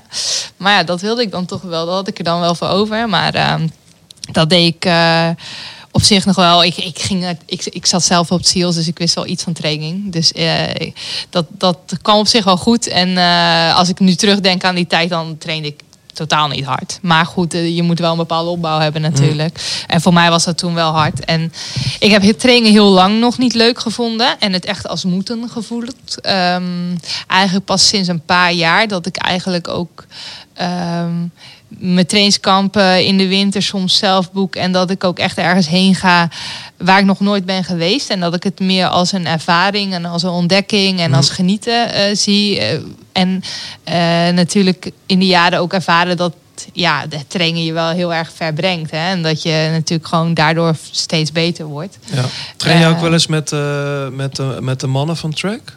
Ik niet, maar Ja. die meiden die op trainingskamp zijn geweest, Ja. wel inderdaad. Ja. Ja. Ja, Maar goed, om met die mannen mee te kunnen, dat is leuk op het vlakken. Maar eh, daarna dan is het gauw afzien. Ik heb wel met eh Telenet eh, in september op Mallorca gereden. En toen heb ik ook één dag wel met hun medebergen in Mhm. geweest. Ja, ja. Ja. Maar goed, dan is voor mij gewoon continu aan blok. Maar Ja. schiet je daar iets mee op? Of is het vooral Nou, omdat ik dan toen goed was, dan, dan is het een goede prikkel. Maar dat moet ik zeker niet altijd doen. En dan rijd ik mezelf helemaal over de kop. En wat dat betreft ben ik geen Annemiek.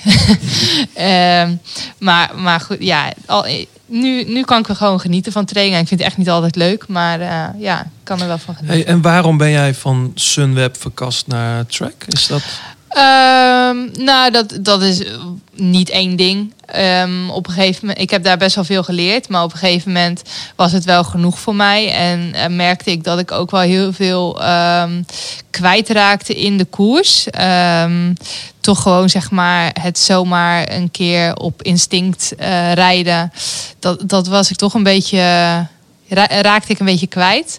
En daarnaast wilde ik gewoon toch ook mijn kans aangrijpen om ehm, ja, met Sven Nijs te kunnen samenwerken in het veldrijden. Om daar echt gewoon nog heel veel beter te worden. Dus eigenlijk het veldrijden... eh, eh, is wel ook echt een grote Ja. reden, inderdaad. Omdat ik daarin bij Sunweb gewoon niet verder kon ontwikkelen. Eh, en, en gewoon ben ik ook wel een renner die gewoon af en toe vernieuwing nodig heeft, heel simpel. En ik had daar al drie jaar gereden. Maar Ja. je was die protocollen toch ook een beetje beu.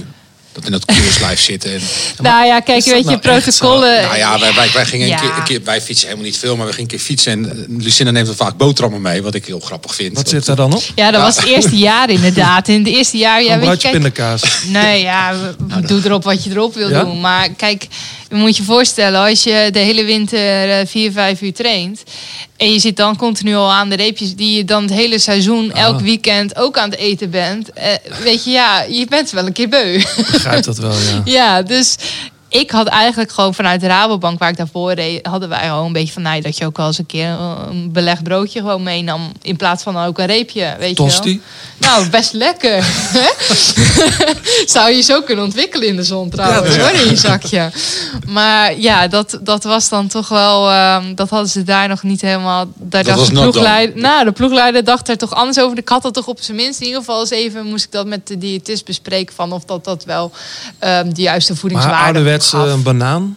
Ja, nou, ik ben zo'n gekke wielrenner die geen banaan lust. Echt? Ja, ik vind het heel vies. Oh ja? Ja, Ja, maar dan, ja, dan heb je weinig keus. Dan is het een reepje of een, Ja. bo- een boterham. Ja, daarom dus. Maar goed, dat geeft helemaal niet. Ik bedoel, eh, ik, ik, oh trouwens, de, de laatste tijd neem ik nooit meer een boterham mee. Maar dat komt niet per se door hun of zo hoor. Dat is gewoon gemakzucht. Maar ehm, ja, dat zijn wel dingen. Maar, Maar, mocht het uiteindelijk niet? Nee, het mocht wel. Alleen, kijk, het komt zo dom over door hoe dat het gebracht werd. Alleen het idee erachter was niet zo dom. Want ehm, zijn idee was gewoon heel simpel. Van, nou, wij weten van de voedingswaarde van het reepje. En dan moet je dus zoveel en, drinken en eten in een training. En ehm, krijg je wel voldoende of hetzelfde binnen als je die boterham neemt. Ja. Dat was eigenlijk de achterliggende gedachte. Alleen de manier waarop het gecombineerd... Nee, zeker niet. Dus wat ik ook zeker het eerste jaar heb geleerd is wel... dat ik eigenlijk veel te weinig at in training. En dat kwam niet door die boterham, maar gewoon überhaupt in het algemeen. En daar hebben zij eh, een, een mooi grafiekje voor om in te vullen na een training... eh, hoe lang dat was, hoe warm en wat je dan zelf gegeten en gedronken hebt. En dat eh, maakt wel heel mooi inzichtelijk. En dat waren wel hele leerzame dingen en, en ook wel nuttig. Maar in, in bepaalde dingen eh, werd het inderdaad wel heel strak gehouden. eh, een beetje spastisch. Ik bedoel, ja, regels heb je overal. dus, maar het is een beetje hoe je ermee omgaat Maar natuurlijk. er, er zijn meer renners om daarom weggegaan, hè? nou, dat is Tom, zeker. eh, is natuurlijk het beste voorbeeld. Ja, kijk, maar ik geloof wel dat het nooit alleen dat is. En eh, het zijn altijd meerdere dingen samen. Ehm, maar ja, over bepaalde dingen en echt niet alles heb ik wel van... Goh jongens, ehm, denk er nou nog eens over na. Van, moet je het nou echt op deze manier doen? Of is er ook een andere manier? En... eh, het zou, ik vind het heel zonde als mensen daarom zo'n ploeg verlaten. Want het is verder geen slechte ploeg. En, eh, Ze rijden trouwens... eh, ze rijden Die Cabello, hè? heel goed. Zowel Ja, de ze rijden heel goed. Ja, het- absoluut, goed zeker. een goede Ja, ja. lijn te pakken. Ja, daarom. Dus nou ja, hopen dat ze dat zo vast kunnen houden. Ja. Ja. Hey, en bij track is het dan een andere vibe, omdat Ja, het Amerikaans is. En, Ja, nou wat ik wel een heel mooie ervaring vond, gelijk was, eh, dat was eigenlijk vanaf het begin eh, toen bekend werd dat ik eh, de overstap zou maken. Dan las ik overal eh, Welcome to the Truck Family.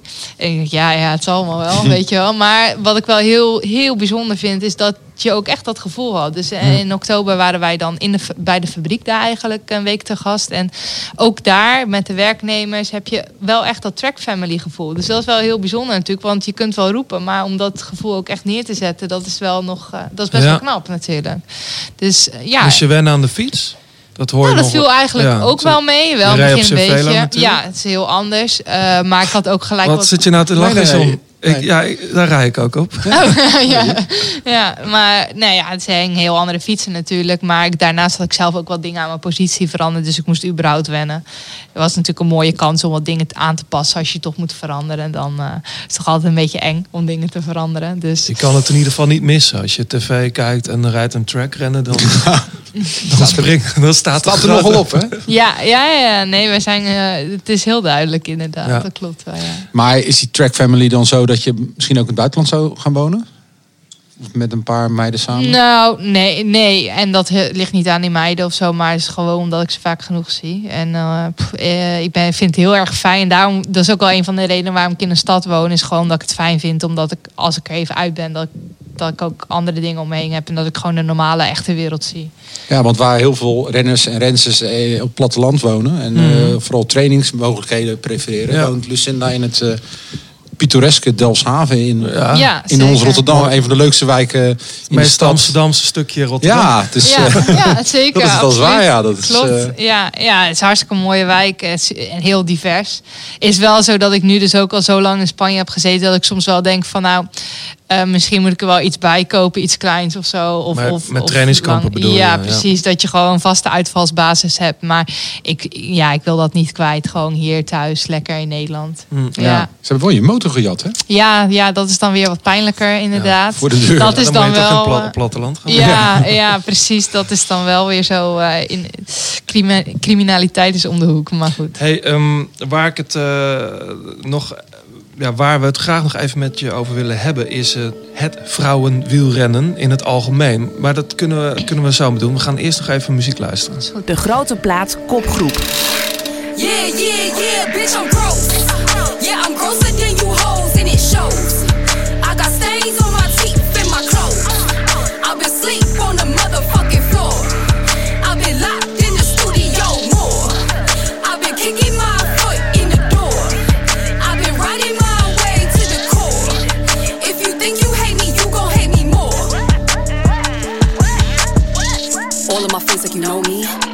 beef like it's Kobe. New York, I am a OG. Princess Nokia. Ken je het, John? Ja, zeker. Ken jij het, Lucinda? Nee. Ben je van, hou je van hip-hop? Of, eh? Nou, dit gaat nog wel, maar het moet niet heftiger gaat worden. De- ja, en helemaal het, het rap, dat vind ik echt wel vaak minder. Daar Ja. ben ik niet zo heel fan van. Ja. Zij heeft ehm, vorige week twee platen ineens uitgebracht. De ene heet eh, Everything's Beautiful en dit is Everything Sucks. Dit is een beetje de... eh, ik vind dit album net iets mooier. Hij danst een beetje meer soul-achtig, hè? Die ene is eh, iets meer soul, iets meer... eh, en dit is meer de agressieve, agressieve plaat. Die is ook in een weekje gemaakt.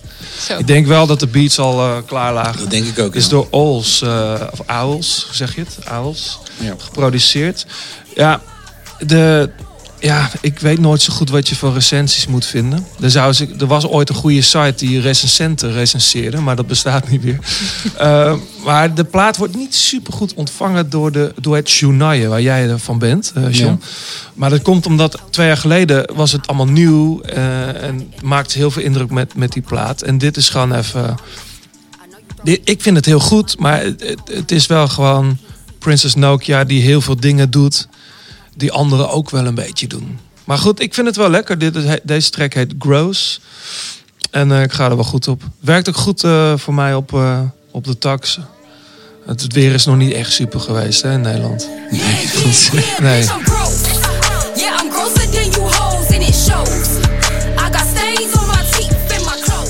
Straks gaan we ook naar jouw muziek luisteren, Lucinda.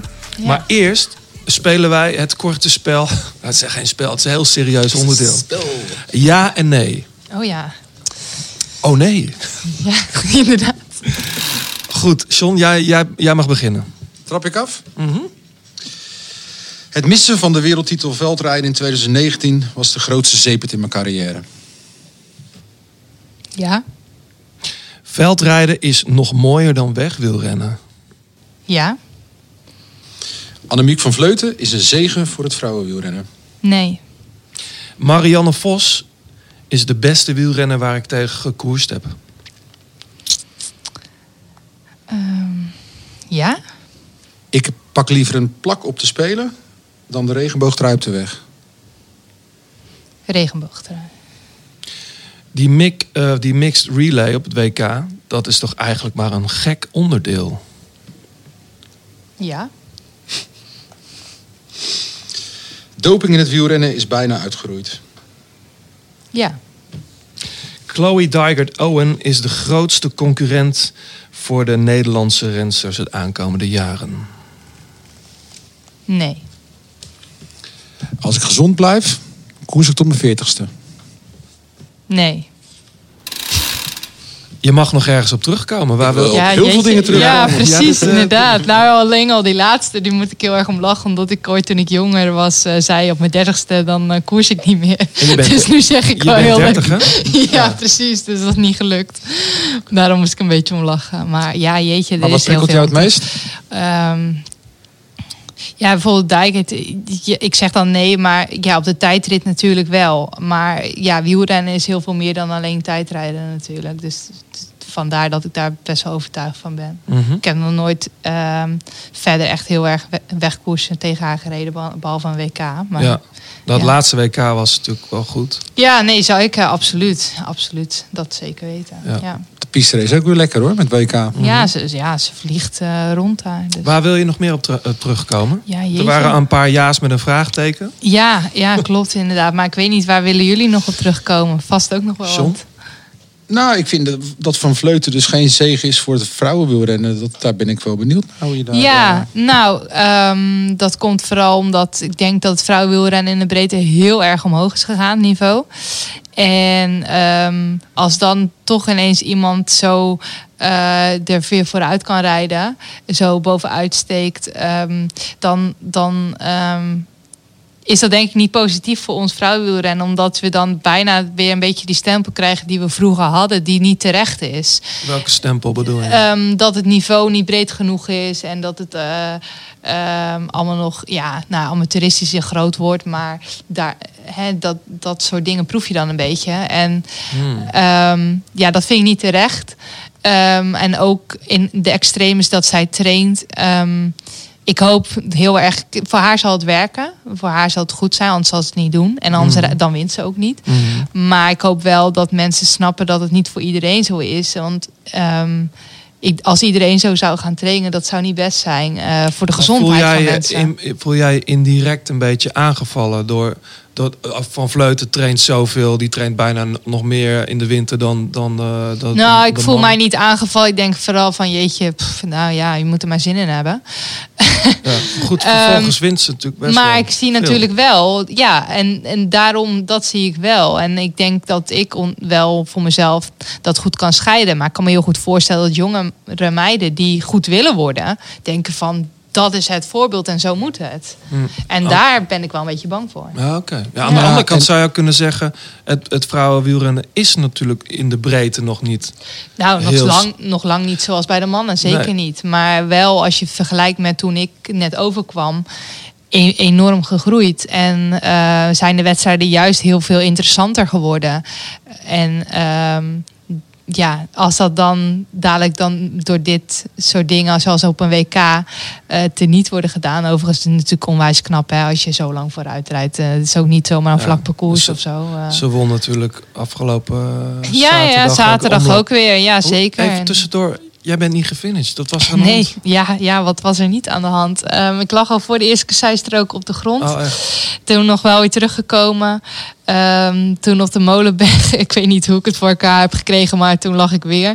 Eh, zonder erg overigens, maar dan moet je weer terugkomen. En, eh, ik, ik reed ook op een gegeven moment rond eh, eigenlijk zonder remmen. Dus ik, ik kon wel remmen, maar niet heel goed. Wat niet aan te raden is in een wedstrijd. En al helemaal niet in zo'n wedstrijd. Nee. Dus het was op zich al een wonder dat ik nog niet heel hard was gevallen. En op een gegeven moment eh, knalde in de. Om terug te komen, eh, reed ik met een ploeggenootje in de groep. En die knalde op een motor die stil stond plots op de weg. Terwijl wij aan het praten waren. En eh, ja, dat, dat was zo heftig dat ik dacht dat dat niet helemaal goed zou zijn. Dus ik ben omgedraaid en Ja. bij haar gebleven. Uiteindelijk viel het gelukkig allemaal mee. Ja. Maar het had gewoon niet zo heel veel zin meer om door te gaan die Nee. dag. Helaas, want ik voelde me echt heel goed. Dus ik had heel erg naar uitgekeken om finale te rijden. Ja. ja. Hey, de vraag waar wij ook nog op terug willen komen is eh, het Nou, ik missen... zit ook, mag ik Oh. nog heel even op, op, op wat ik Oh, zit er over, ja. over, na, over Annemiek. Eh, ik zie dat zelf helemaal niet zo. Dat, dat, het, dat het vrouwenwielrennen door haar eigenlijk een soort van gedecimeerd wordt. Nee. Dat jullie een soort van pelotonvulling zijn. Maar, Dat is fijn. Waar, nee, maar waarbij ik me vooral eh, zorgen om maak. eh, het, het maniacale wat zij heeft. Hè, op een goede, goede zin, maar ook wel slechte zin. Hoezo slecht? Nou ja, wat zij er allemaal voor doet. Ik bedoel, ik kan me voorstellen wat Lucinda zegt. Eh, ze is nou niet bepaald een role model voor als, als jonge meiden daar naar Nee. kijken. En denken Ja. van, nou, dit, dit moet ik dus doen om wielrenster te kunnen zijn. Ja, maar- of, of, of, en met, wat, kijk, laten we dit, we kunnen eromheen draaien. Maar Annemiek is natuurlijk pas echt goed gaan klimmen. Toen is gewoon veel gewicht verloren ook. Ja. Dan hangen er wel allerlei dingetjes, gevaren kunnen er eh, eh, ja, komen om de hoek kijken. hè. Dat mensen inderdaad, of dat me- meiden of jongens eh, denken van nou dat is een succesformule. Ik moet zoveel mogelijk gewicht gaan verliezen. En ik moet zes, zeven uur trainen terwijl ik maar drie uur koers. Ja, weet je, en wat, wat, wat, wat Lucinda terecht zegt, het, het werkt goed voor haar. ja. Maar ik kan me wel voorstellen dat, dat, het, dat het niet bepaald eh, nou, maar ik kan me ook voorstellen. uitnodigend werkt. Nou, ik denk dat, dat het ook wel inspirerend is. Even los van, van dat een beginnende wielrenner of, of een, een, een, een dame of een meisje die op de bank zit te kijken en het ziet, denkt: hé, daar wint een, een Nederlandse vrouw op een fiets. Ja. Dat kan ook inspirerend zijn natuurlijk. Dat is in de tijd van Leontien, Leontien was het natuurlijk ook niet, niet anders. Die Nee, maar dat, dat is precies wat Lucinda nu zegt. De periode Leontien bijvoorbeeld, of de periode Vos zelfs. Ja. Dat, de- dat de 1-2 echt... hè, Leontien is ook wereldkampioen geworden. Toen race ook eh drie kwart van de koers alleen op kop in Stuttgart. Ja, nou, het enige nadeel wat dat ik vind als kijker is dat de spanning soms weg is. Saai. Ja, tuurlijk. En dan, ja. eh, weet je wel, dan, dan, dan hoop je maar dat de rest ook een beetje tegen dat niveau of, of hetzelfde niveau heeft. ja. Eh, dat, dat vind ik soms een beetje het vervelende eraan. Maar Ja. verder denk ik, ja, het is toch topsport. Je wilt toch gewoon de beste zijn. Daar doe je dan toch alles voor binnen, binnen de grenzen. Nou, daarom zat ik ook Maar, een beetje, ja. een beetje zo erover te mijmeren net. Toen jij Hallo Sander wilde beginnen. Ja. Omdat ik het ook... Ik heb er super veel respect voor. Ja, ja, ja, en vooral, oh, want maar zij doet het ook, echt met een lach, weet je. Die, die prachtige reportage die Han Kok gemaakt heeft in Colombia. Ja. Daar zie je ook. Ze geniet er echt van. Ze vindt het leuk. Ze gaat lekker koffie drinken. Weet je, dus daarom is, ik een beetje dubbel erin. hè. Aan de andere kant, aan de ene kant vind ik het heel knap en heel goed dat ze het doet. Maar het is wel echt, weet je, ja, bedoel, zelfs de profs die zitten, die kijken naar en die "Goh, het is bijna van, eh, ik heb getraind als van Vleuten, weet je, dat je het goed gedaan hebt. Ja, maar dat, als dat de manier is voor haar, ik denk, ja. Is, is er zo'n groot verschil trouwens, Lucinda, in de kilometers die jij. Ik weet eigenlijk niet, ik volg jou sinds kort op Strava. Ja. Maar hoe, hoe, hoe, nou, ik zal kilometer- zeker eh, niet aan heel veel kilometers zitten. Want met mijn crossseizoen in de winter dan maak ik al helemaal geen eh, kilometers. Dus mijn Nee. kilometers zijn pas een beetje sinds januari. Dus ik eh, zal ver achterlopen op haar. Maar daar zit het ook ja, niet dat maakt, maakt mij niet veel uit. Eh, mm, ik train zeker sinds afgelopen winter gewoon wat specifieker. En ik merk daar wel ja, dat ik me daar wel heel prettig bij voel. Ja. Ja. Ja. Willen we nog meer zeggen over Van Vleuten? Ja, ik, ik ben wel. Het maakt me eigenlijk niet zoveel uit. Als zij gewoon. eh, ja, je wilt toch de beste zijn? Je traint gewoon als een motherfucker en dan win je wedstrijden. Ja, ik, heb, ik zie het probleem niet zo. Ik vind wel. Ik vind het wel nodig dat er een groep rensters is. En daar hoor jij ook wel bij, Lucie, Die, die echt, echt op niveau met haar de competitie kan aangaan. Dat Ja. je niet denkt, bij, zoals vroeger bij Eddie Merckx... waar die ook start, daar wint hij. Ja, maar toch, ze rijdt Nee, maar dat is ook koers. zeker niet de instelling. Dat merk ik ook gewoon bij ons allemaal. Dat, dat, dat, die instelling hebben wij echt totaal niet, inderdaad. Dus eh, ja, dat, en daar ben ik wel blij mee, inderdaad. Want dan zou het helemaal saai worden, natuurlijk. Waar wil jij nog op eh, terugkomen, Johan? Nou, het, het missen van de wereldtitel veldrijden in 2009, dat was vorig jaar. Dat, dat, daar werd je tweede in Ja. de sprint geklopt. Nee. Nee, wacht even. nee, Nou, was weg. oh ja, je, dat was het. Ehm, Gevallen bij de fiets. gevallen, ja. Oh, ja, het was niet de enige valpartij. Nee, dus dat, maar, ging, eh, dat, ging maar ja. door. Het was Ja. eigenlijk best wel een rampzalige Ja, het was echt een, eh, de slechtste wedstrijd eh, die ik gereden heb, denk ik zo ongeveer. Maar veel pech, hè? Ja, ja zeker. Ehm, ook wel het nodige pech aan mezelf toe te rekenen. Ehm, onervarenheid soms. Maar vooral waarom, ja, waarom eh, volgens mij, wat, ik weet niet eens meer precies hoe de vraag was, maar waarom ik het wel een vind, omdat ik gewoon duidelijk voelde dat ik die dag de beste was. Ah, je was een En- topfavoriet, hè? Dat, was- Ook dat. En dat was wel, moet ik zeggen, dat was de allereerste keer. Dat was echt een totaal nieuwe wereld voor mij. Dat had ik nog nooit meegemaakt. Dat de aandacht echt zo op mij gericht was. En ik denk dat ik me daar best wel goed onder kon houden. Maar het was wel echt volledig nieuw. En, eh, Nou, want je noemt het nu wel. Ja, Dus ja. misschien doet het toch dan, heeft het toch meer gedaan dan je... Nou ja, ik ben ook later dit wegseizoen wel achtergekomen dat het me inderdaad nogal wat gedaan had. eh, op andere vlakken ook. Maar ehm, dat, ehm, ja, kijk, het is gewoon echt wel zonde als je weet en voelt dat je zo veel duidelijk beter bent. Want anders kwam ik ook niet iedere keer terug als ik niet beter was dan de rest. Nee, je was heel sterk. En eh, dan is het natuurlijk heel zuur dat je dus eh, eigenlijk door je eigen toedoen.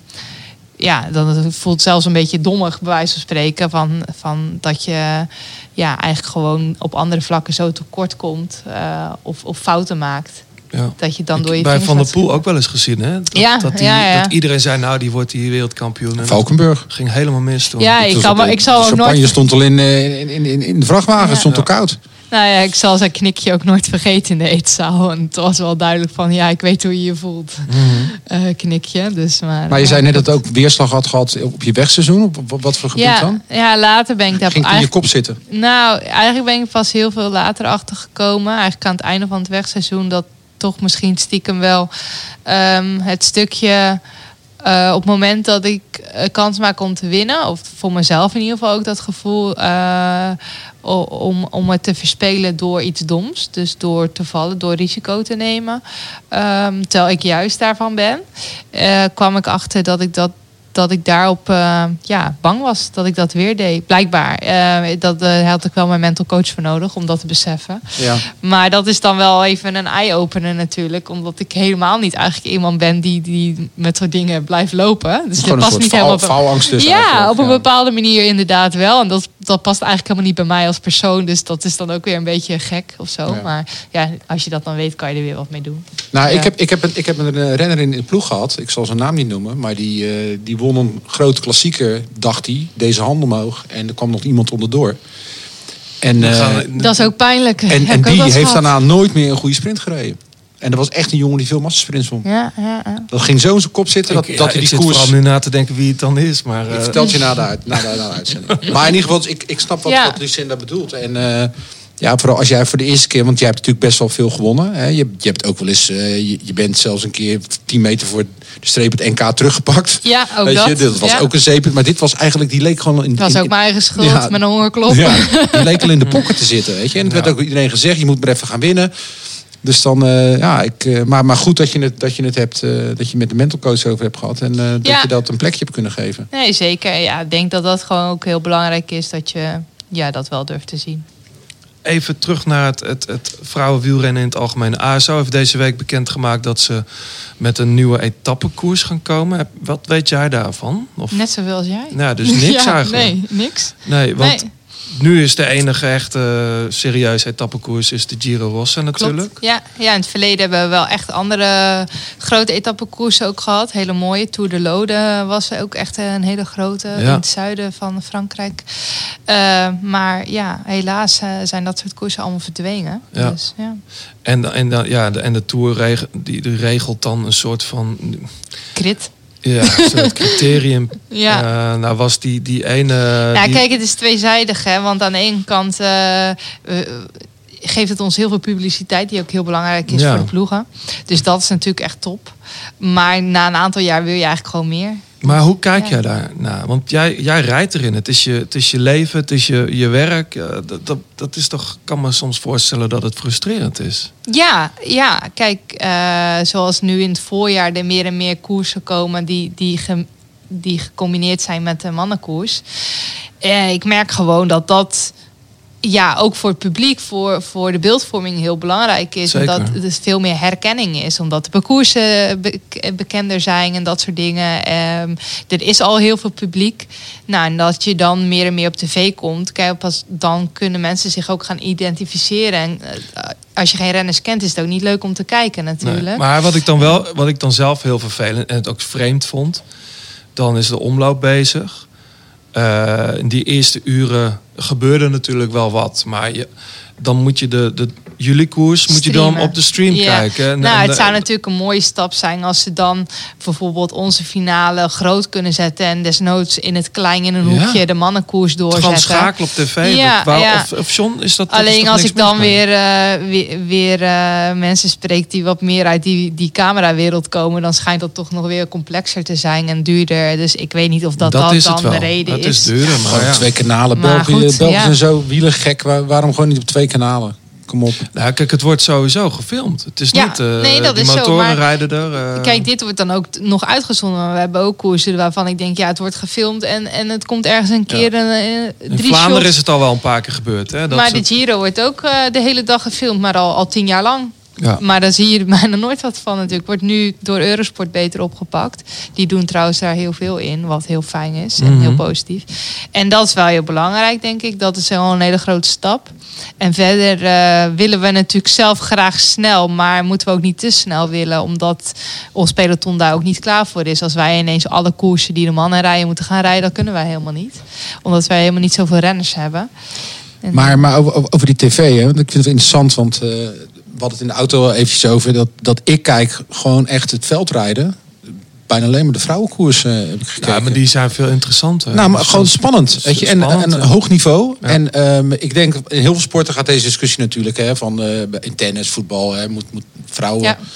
Vrouwen evenveel op tv als mannen. In Eh, tennis is dat helemaal geen discussie. Nee, met tennis niet. Nee, sorry, maar dat is wel een goed voorbeeld. Nee, maar. Dat het Ja. dus kan. Maar, Maar- maar ook dus- toernoois is tegelijk, hè, samen. En dat Ja. zie je ook in de cross. En dat is het ook veel makkelijker. Dat is echt na elkaar. En dat zie je ook met schaatsen, met short track. Met, met zijn zo wel meer sporten te noemen waarin dat samen is. Dan is dat natuurlijk eigenlijk eh, ja, makkelijk is, eh, is, is te kort door de bocht, maar simpeler te doen. eh, dan, dan al zo'n grote wedstrijd zoals wij nu hebben op de weg, wat la- veel langer is. Mhm. Eh, en er zijn ook tegensporten die überhaupt niet worden uitgezonden natuurlijk. Wat dat betreft, eh daar sta ik ook wel eens stil. Maar... Nee, maar als het veldrijden voor de vrouwen steeds belangrijker wordt en ook steeds prominenter wordt, wordt hè, met de uitzendingen, hè, heel veel mensen daar naar kijken, is dat misschien wel een leuk precedent ook straks voor het wegwielrennen. En Dat kan zomaar diezelfde kant op boemerangen. Ja, dus dat daar, ben ik, daar zijn. ben ik wel benieuwd naar. Ja, laten we het hopen. Laten we ja, het hopen. zeker. Ja. Wat was nou jouw antwoord op eh, veldrijden is eigenlijk veel mooier dan wegrijden? Dat veldrijden inderdaad mooier Ja, is. Dat vind je echt? Ja, eh, ja, dat vind ik wel echt. En dat komt vooral ehm, doordat je continu bezig bent en veel meer eh, technische vaardigheden ook moet hebben. Maar kijk, wat je natuurlijk wel vaak een beetje mist in het veldrijden, en daarom is het ook dat ik het wegwielrennen echt niet zomaar weg kan doen. Is gewoon het spel op de weg vind ik wel echt mooi. En dat vind ik mooi aan wielrennen. Dat je het spelletje speelt. En ik snap dat soms mensen eh, die op tv kijken dat niet allemaal kunnen zien. Je kan dat niet allemaal meekrijgen. Maar er spelen zoveel belangen. En eh, mijn oud-bondscoach Johan Lammers die zei altijd... je moet goed kunnen schaken om goed te kunnen wielrennen. En ik kan niet schaken, maar ik geloof het gelijk. Dus dat is dan wel weer apart. Schakelen, maar- zei hij waarschijnlijk. Nee, ja, nee, hij was echt fan van schaken. Maar, maar het is natuurlijk wel, je moet eigenlijk continu een stap vooruit kunnen denken. Over wat een ander eventueel zou kunnen gaan doen. En dat maakt natuurlijk op het moment dat de koers losbarst op de weg, dan wel heel leuk. De grote plaat kopgroep.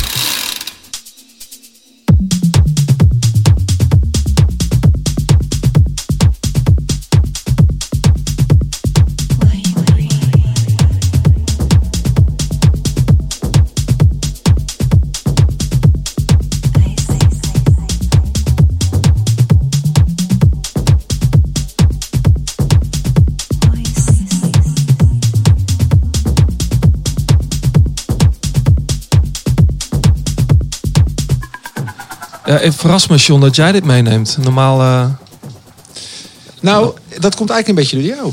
Oh ja? Ja, jij hebt mij vorige keer wel geïnspireerd met die, met die pianisten. Dus ik ben eens gewoon wat beetje uit mijn comfortzone gaan kijken, wat ik, eh, wat ik tegenkwam. En toen kwam ik deze dame tegen. Dat is eh, Kelly Lee Owens, inderdaad een, een producer met je minimal techno. En ik, ik ben inderdaad helemaal geen danceman. Maar ik denk, ik ga toch eens een beetje checken. En eh, zij heeft ook wel een indie verleden. Eh, maar zij is een soort van, ja, een, soort dance-activiste. welke- Zij, nou, zij wil graag eh, statements maken over de natuur en hoe het, hoe het met milieu gaat. En dat we een beetje op moeten passen. En ze noemt dit een klimaatcrisis anthem voor in de club. Ze gebruikt organische geluiden van een smeltende gletsjer. En je kunt ook mensen op het ijs schaatsen horen. Dus zij is heel erg met de wereld begaan. Oké. Maar ik vind het vooral heel lekker klinken. Dus ik... ehm Kelly Lee Owens. En het nummer heet ook Meld. Dus eh, dat is ook al een... eh, Ja, meld met een uitroepteken. met, met, met zeker, ja. Ja, ik vind het wel lekker, ja. Ja. Ik vind het wel lekker.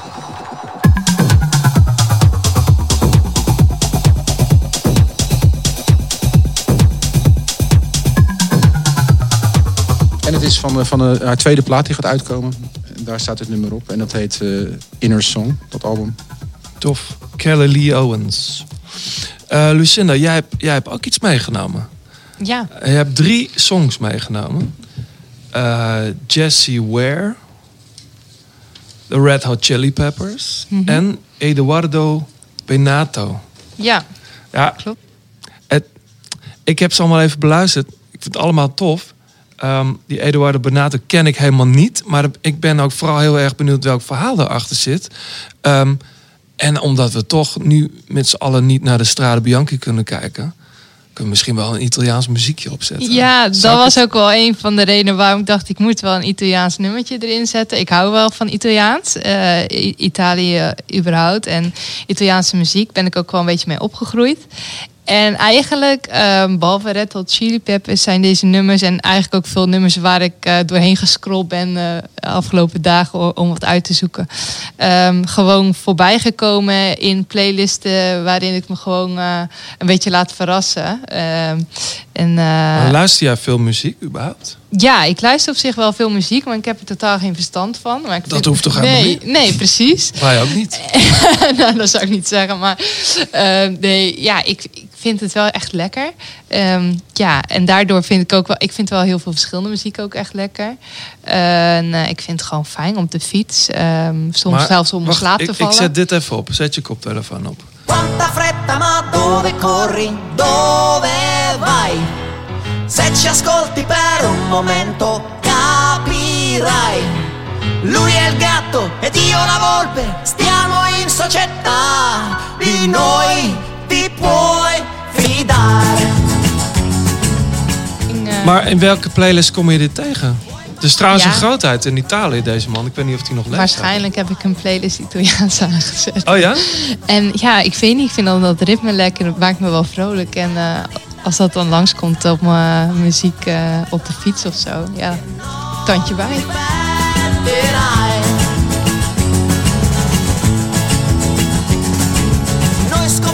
Heb jij koptelefoon Ja, op, ik ben niet zo verantwoord op de fiets inderdaad. Podcast of muziek. En zeker al met blokjes of zo, met intervals, dan vind ik het toch wel lekker. Maar, Ja. maar dan zoek je ook iets met een bepaald tempo of zo. Soms wel, ja. Ja, Ja. ik op de fiets dan. Mijn warming-up is happy hardcore. Dus ja, Oh ja? ja dat is eh, mijn tijd. DJ Paul? Ja, onder andere. Ja, heerlijk. Dat is wel mijn. Ja, dan een beetje opzwepen. Dat vind ik wel lekker. En, maar dat gebruik je als op, opwarming voor tijdritten of voor als ja, je... ja, klopt. Ja, eigenlijk alleen op de tijdrit. eh warming-up eh, met de cross doen natuurlijk ook. Maar dat eh, ben ik gewoon aanspreekbaar. Mhm, Voor de tijdrit niet. Ja. Ja. Hey, maar als jij bijvoorbeeld eh, in de auto ergens naartoe rijdt, zing jij ook mee met liedjes op de radio? Of, ja? ja, ja. Ik ben blij dat mijn ramen er nog in zitten. Oh ja, hard? Je kan je hard zingen? Ja, maar dat klinkt natuurlijk ook totaal niet. Dat weet ik niet. Nee joh, oh nee, echt niet. Ik ga Nee. het je niet aandoen. Nee, dat, hoef, ik vraag, dat vraag Nee. ik ook niet. Nee. Maar, eh, maar hoe zit het? Heb jij vroeger, eh, draaiden jouw ouders vroeger thuis veel muziek? Ja. ja, op zich wel, ja. Ja, en wat, vooral ook in eh, wat ik me heel goed kan herinneren is in de auto. Wij waren veel onderweg, nou al eh, met fietsen natuurlijk. Maar ook eh, altijd met de auto op vakantie. Ja. Totaal niet ecologisch. Nee. maar ehm, wel heel leuk en heel gezellig. En dan hadden mijn ouders muziek op staan. En dan eens in de zoveel tijd om op mijn broer of ik een cd opzetten. Ja, dus dat, zo werden wij zoet gehouden. Ja. Ja. Maar, en je speelde geen instrument of zo? Dat Nee, hoor, ja, hoort, ik heb, wel eens bij de eh, ja. opvoeding bij sommige gezinnen. Nou, dat, in die zin zat muziek totaal niet in onze opvoeding. Ehm, ik heb wel op, op de basisschool blokfluit gespeeld. Dan, hè, dan had je zo'n muziekles. Ja, en, vreselijk. Dat heb ik ja, ik gedaan. vond het altijd wel leuk. En Ja? ik vond ook echt leuk dat ik muzieknoten kon lezen. Ik, kan, ik zou het niet meer kunnen. Nee. En eh, ik, ik wilde wel, ik had zo'n zo'n speelgoed piano ding. Dat klinkt natuurlijk ook voor geen meter. Maar het, het leek me geweldig om te kunnen drummen. Op de middelbare school heb ik toen nog... ehm, toen moesten wij voor muziekles ook echt een, een eh, instrument spelen, ook drum. En daar heb ik ook echt met een klasgenoot zo in andere lessen dat ik zo zat te oefenen, gewoon zo droog oefenen. En eh, Mhm. ja, ik vond het geweldig, maar, maar ik kon het gewoon niet. Het lukt gewoon niet. Nee. Nee, het zit niet in me helaas. Nee. Maar ik vind het wel jammer. Het lijkt Oh, me dus geweldig. Als je dat gekund, was je drumster geworden. Nou, misschien wel, ja. Of veel elektrisch gitaar of zo. Zo lekker. Ja. eh, Maar ben jij, ben jij ook iemand... Ik kan nog wel eens eh, heel hard eh, janken als ik muziek hoor. Dat ik heel mooi vind. Ja, ook, ik moet je- allemaal niet van emotiona- ja, Nee? emotionele liedjes. Dan, ja, ik ben sowieso een jankert. Oh ja? ja. Maar wat, is er, waar, welke, wat voor muziek? Ja, nee, dan kom je meer in het Nederlandstalige terecht natuurlijk. Maar dat komt ook omdat je, ik bedoel, dat soort liedjes zijn er in elke taal natuurlijk, uiteindelijk. Ja. Maar dan kun je het vaak wat makkelijker voelen natuurlijk. En je rijdt nu in een behoorlijk internationale ploeg. Ja. Wordt- er dan, eh, wat wordt daar dan allemaal gedraaid? Ja, Voor nou, afgelopen of- jaren in Sunweb hadden we een aantal die nogal fan waren van rap. Dus dan vroeg ik af en toe voor wat anders, want dan was ik er wel een keer klaar Mm. mee. Omdat het voor mij toch soms een beetje too much werd. Eh, maar ehm, over het algemeen kun je mij eh, eigenlijk wel alles opzetten. En we hebben nu eh, afgelopen trainingskamp wel, eh, in de, was wel leuk, hadden het erover van ja, hoe wilt iedereen eigenlijk zijn voorbereiding? En we hebben een beetje een splitsing in de ploeg dat een aantal gewoon heel erg in de eigen zone in de bus wil zitten. En een aantal die hebben het liefst eh, een grote jukebox aanstaan met eh, Ja. allemaal muziek. Dus dat is een vrij lastige combi. Ja. Maar eh, ik hoor dan wel wat meer gewoon bij eh, zet die muziek maar lekker eh, luid op en eh, lekker dansen in die bus. Ken je dit? thank you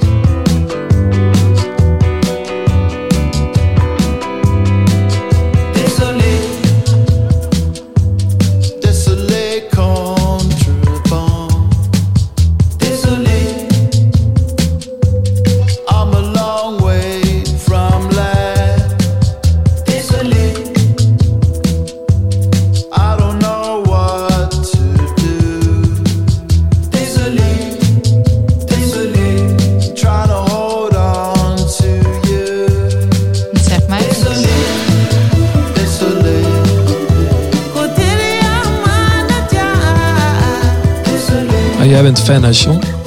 Van de Gorillas. Ja. Ja, zeker. Ja, ik ook.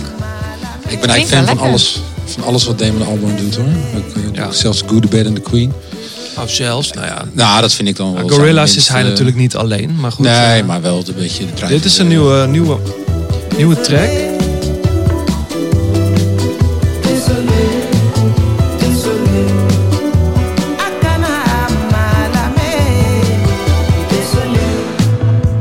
Ken je die zangeres?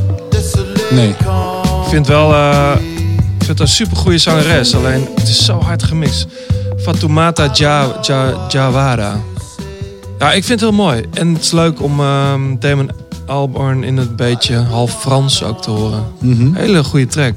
Zal, dat weet jij meestal van dit soort dingen. Komt er een nieuw album uit of zo? Met deze week het eigenlijk Nee. niet. Maar ik weet wel dat Damon Albarn heel dik is met die jongens van Daft Punk ook. Dus eh, daarom dat een beetje dit Franse hoekje misschien in. Oh ja? Ja, Maar heeft, Ik, eh, hebben die er iets mee te maken dan? dat weet ik niet. Ik, eh, jij attendeerde me op deze single. Ik had hem zelf nog niet gehoord. Dus, eh, Nee. maar, Ah, goed. Ehm, alle songs, nogmaals, die staan in de grote plaats songs op Spotify. En daar staat ook eh, de favoriete muziek van Lucinda Brandt in straks. Ja, en ik zou het leuk vinden als mensen dan ook zo'n album eens een keer luisteren. Dus niet alleen het singeltje wat wij in die lijst zetten, maar geef een artiest ook eens de kans. Jonathan Wilson, ja, nee, daar, ik pleit daarvoor. Ja? We moeten een beetje af van die singlecultuur. Echt? Luister nou eens gewoon een heel album. Mensen bepalen toch lekker zelf wel. Net als vroeger. Ja, waarom? De houten wielen. Nou ja, Ik vind dat leuk. ja? Ja, ik zou dat leuk vinden. Ja. Nou, dames en heren, u hoort het. John de Brabe wil dat u albums luistert. We zijn in de laatste kilometer. En ehm, Lucinda, in de laatste kilometer kijken wij even vooruit naar wat er allemaal gaat gebeuren de aankomende tijd. En dat is gek genoeg niet zo heel veel. Want of ploegen eh, fietsen niet, willen niet in Italië rijden, maar daar is ook alles afgelast. In Frankrijk wordt er wel gefietst. Maar bijvoorbeeld Jumbo-Visma liet gisteren weten dat ze eh, geen ehm, Parijs-Nice rijden. Wat ik heel jammer vind. Ehm, ik heb wel zin in Parijs-Nice. Sowieso heerlijk om een Parijs-Nice te zien zonder Astana. Ehm, Heb je meer hoor. ja, die ga je nog vaker horen. Maar dat, nee, maar ik, ik vind het wel jammer ehm, eh, dat er zoveel ploegen daar niet rijden. Ja. Maar Goed, die koers gaat gewoon door. Eh, dus dat wordt ook wel een hele interessante.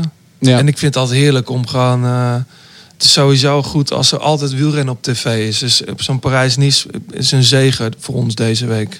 Maar ja, de winnaar kunnen we toch wel invullen. Eh, nou, dan ben ik heel benieuwd wat je gaat zeggen nu. Quintana. Ja, eh, ja, ja. Ik, heb, ik, heb, Ja. ik zou ook niet anders Ja. kunnen zeggen. Quintana, man, ik ben weer fan van hem. Ja. Eh, hij, heb je hem gezien, eh, Lucinda? In, eh, in, het- hij heeft in de, de Van Toe, ja. Provence gereden. Nee, dat stukje heb ik niet gezien, maar ik heb het wel gehoord. En eh, het scheen nogal indrukwekkend geweest te zijn. Ja. Hij rijdt hard en hij ziet er heel goed uit. En ik, ik heb er ook wat over gehoord in de podcast van Ducro. Ik, weet, niet- ik weet dat er luisteraars zijn die die ook luisteren. Ehm, hij heeft bij Mobistar de laatste twee jaar gewoon niet, niet echt goed gepresteerd. Maar ook met heel veel tegenzin eigenlijk gefietst. En ehm, wat dat betreft zou hij iets van Dumoulin kunnen leren. Die heeft natuurlijk een vertrek geforceerd. En dat, dat past niet bij Quintana. Die heeft zoiets, ik heb een contract. Hij had ook een contract met het Colombiaanse Mobistar. Want die betaalde hem. Oh, oké. Dus Ja, dat vond ja. hij niet chic om daar vanaf te komen. Terwijl hij wist, donders goed, ik moet hier weg. Ik wil, eh, Ja, nou, ik denk dat je dat ook wel een klein beetje in zijn manier van koersen zag natuurlijk. Want je had natuurlijk altijd die strijd daar Ja. met, met de meerdere kopmannen. En volgens mij was hij degene die geregeld aan het kortste eind trok eh, daarin. ja. En, dat zegt natuurlijk misschien ook al wel iets over je karakter. Ja, ook hoe hij vorig jaar die, die, die rare toeretappe won. Doordat hij ging en dan in de afdaling. Dat was ook een soort van, ik kan echt wel fietsen. Maar eh, dat is, voelde ook een beetje als een soort middelvinger naar de ploeg. Dat zou hij zelf misschien nooit zo zeggen. Maar het Ja. is een interessant figuur. En ik, ja, ik weet niet of dit iets gaat... Of dit iets vertelt over de rest van het seizoen. Want we, de, de rest van de jongens moeten we eigenlijk nog al- allemaal aan het werk zien. Pinot rijdt daar trouwens ook. Hè? Eh, Bardet rijdt wel. Eh, Sunweb rijdt er. Met ehm, Kees Bol. Eh, en Track rijdt uiteraard ook met eh, Nibali Nibali, ja. En Richie Poort. Nibali is de kopman, zag ik. Ja. Ja. ja. Nee, maar ik zie er wel naar uit, Parijs-Nice. Er zit een hele mooie Ja. tijdrit in van iets van 15 kilometer.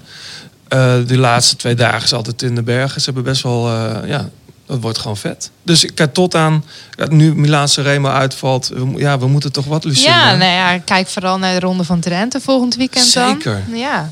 Die hebben nog wel een probleem, want iedereen wil nu de Ronde van Drenthe rijden. Ja, ja, ik denk dat ze dat wel een fijn luxe probleem vinden. Ja, maar ik Maar las wij wel... ook, hè, daar. Dus eh, Zeker. vergeet ons niet. Nee, ik Maar, vergeet eh, jullie nee. zeker niet. Nee. Nee, ja. Dan kunnen we dat ergens live zien? Volgens Ja. mij wel. Ja. Volgens mij TV Drenthe. TV Drenthe is er altijd heel fanatiek Kijk mee, elk ja. jaar. Ja, ja. Mooie uitzending. En waar gaan we jou dan zien, Lucinda?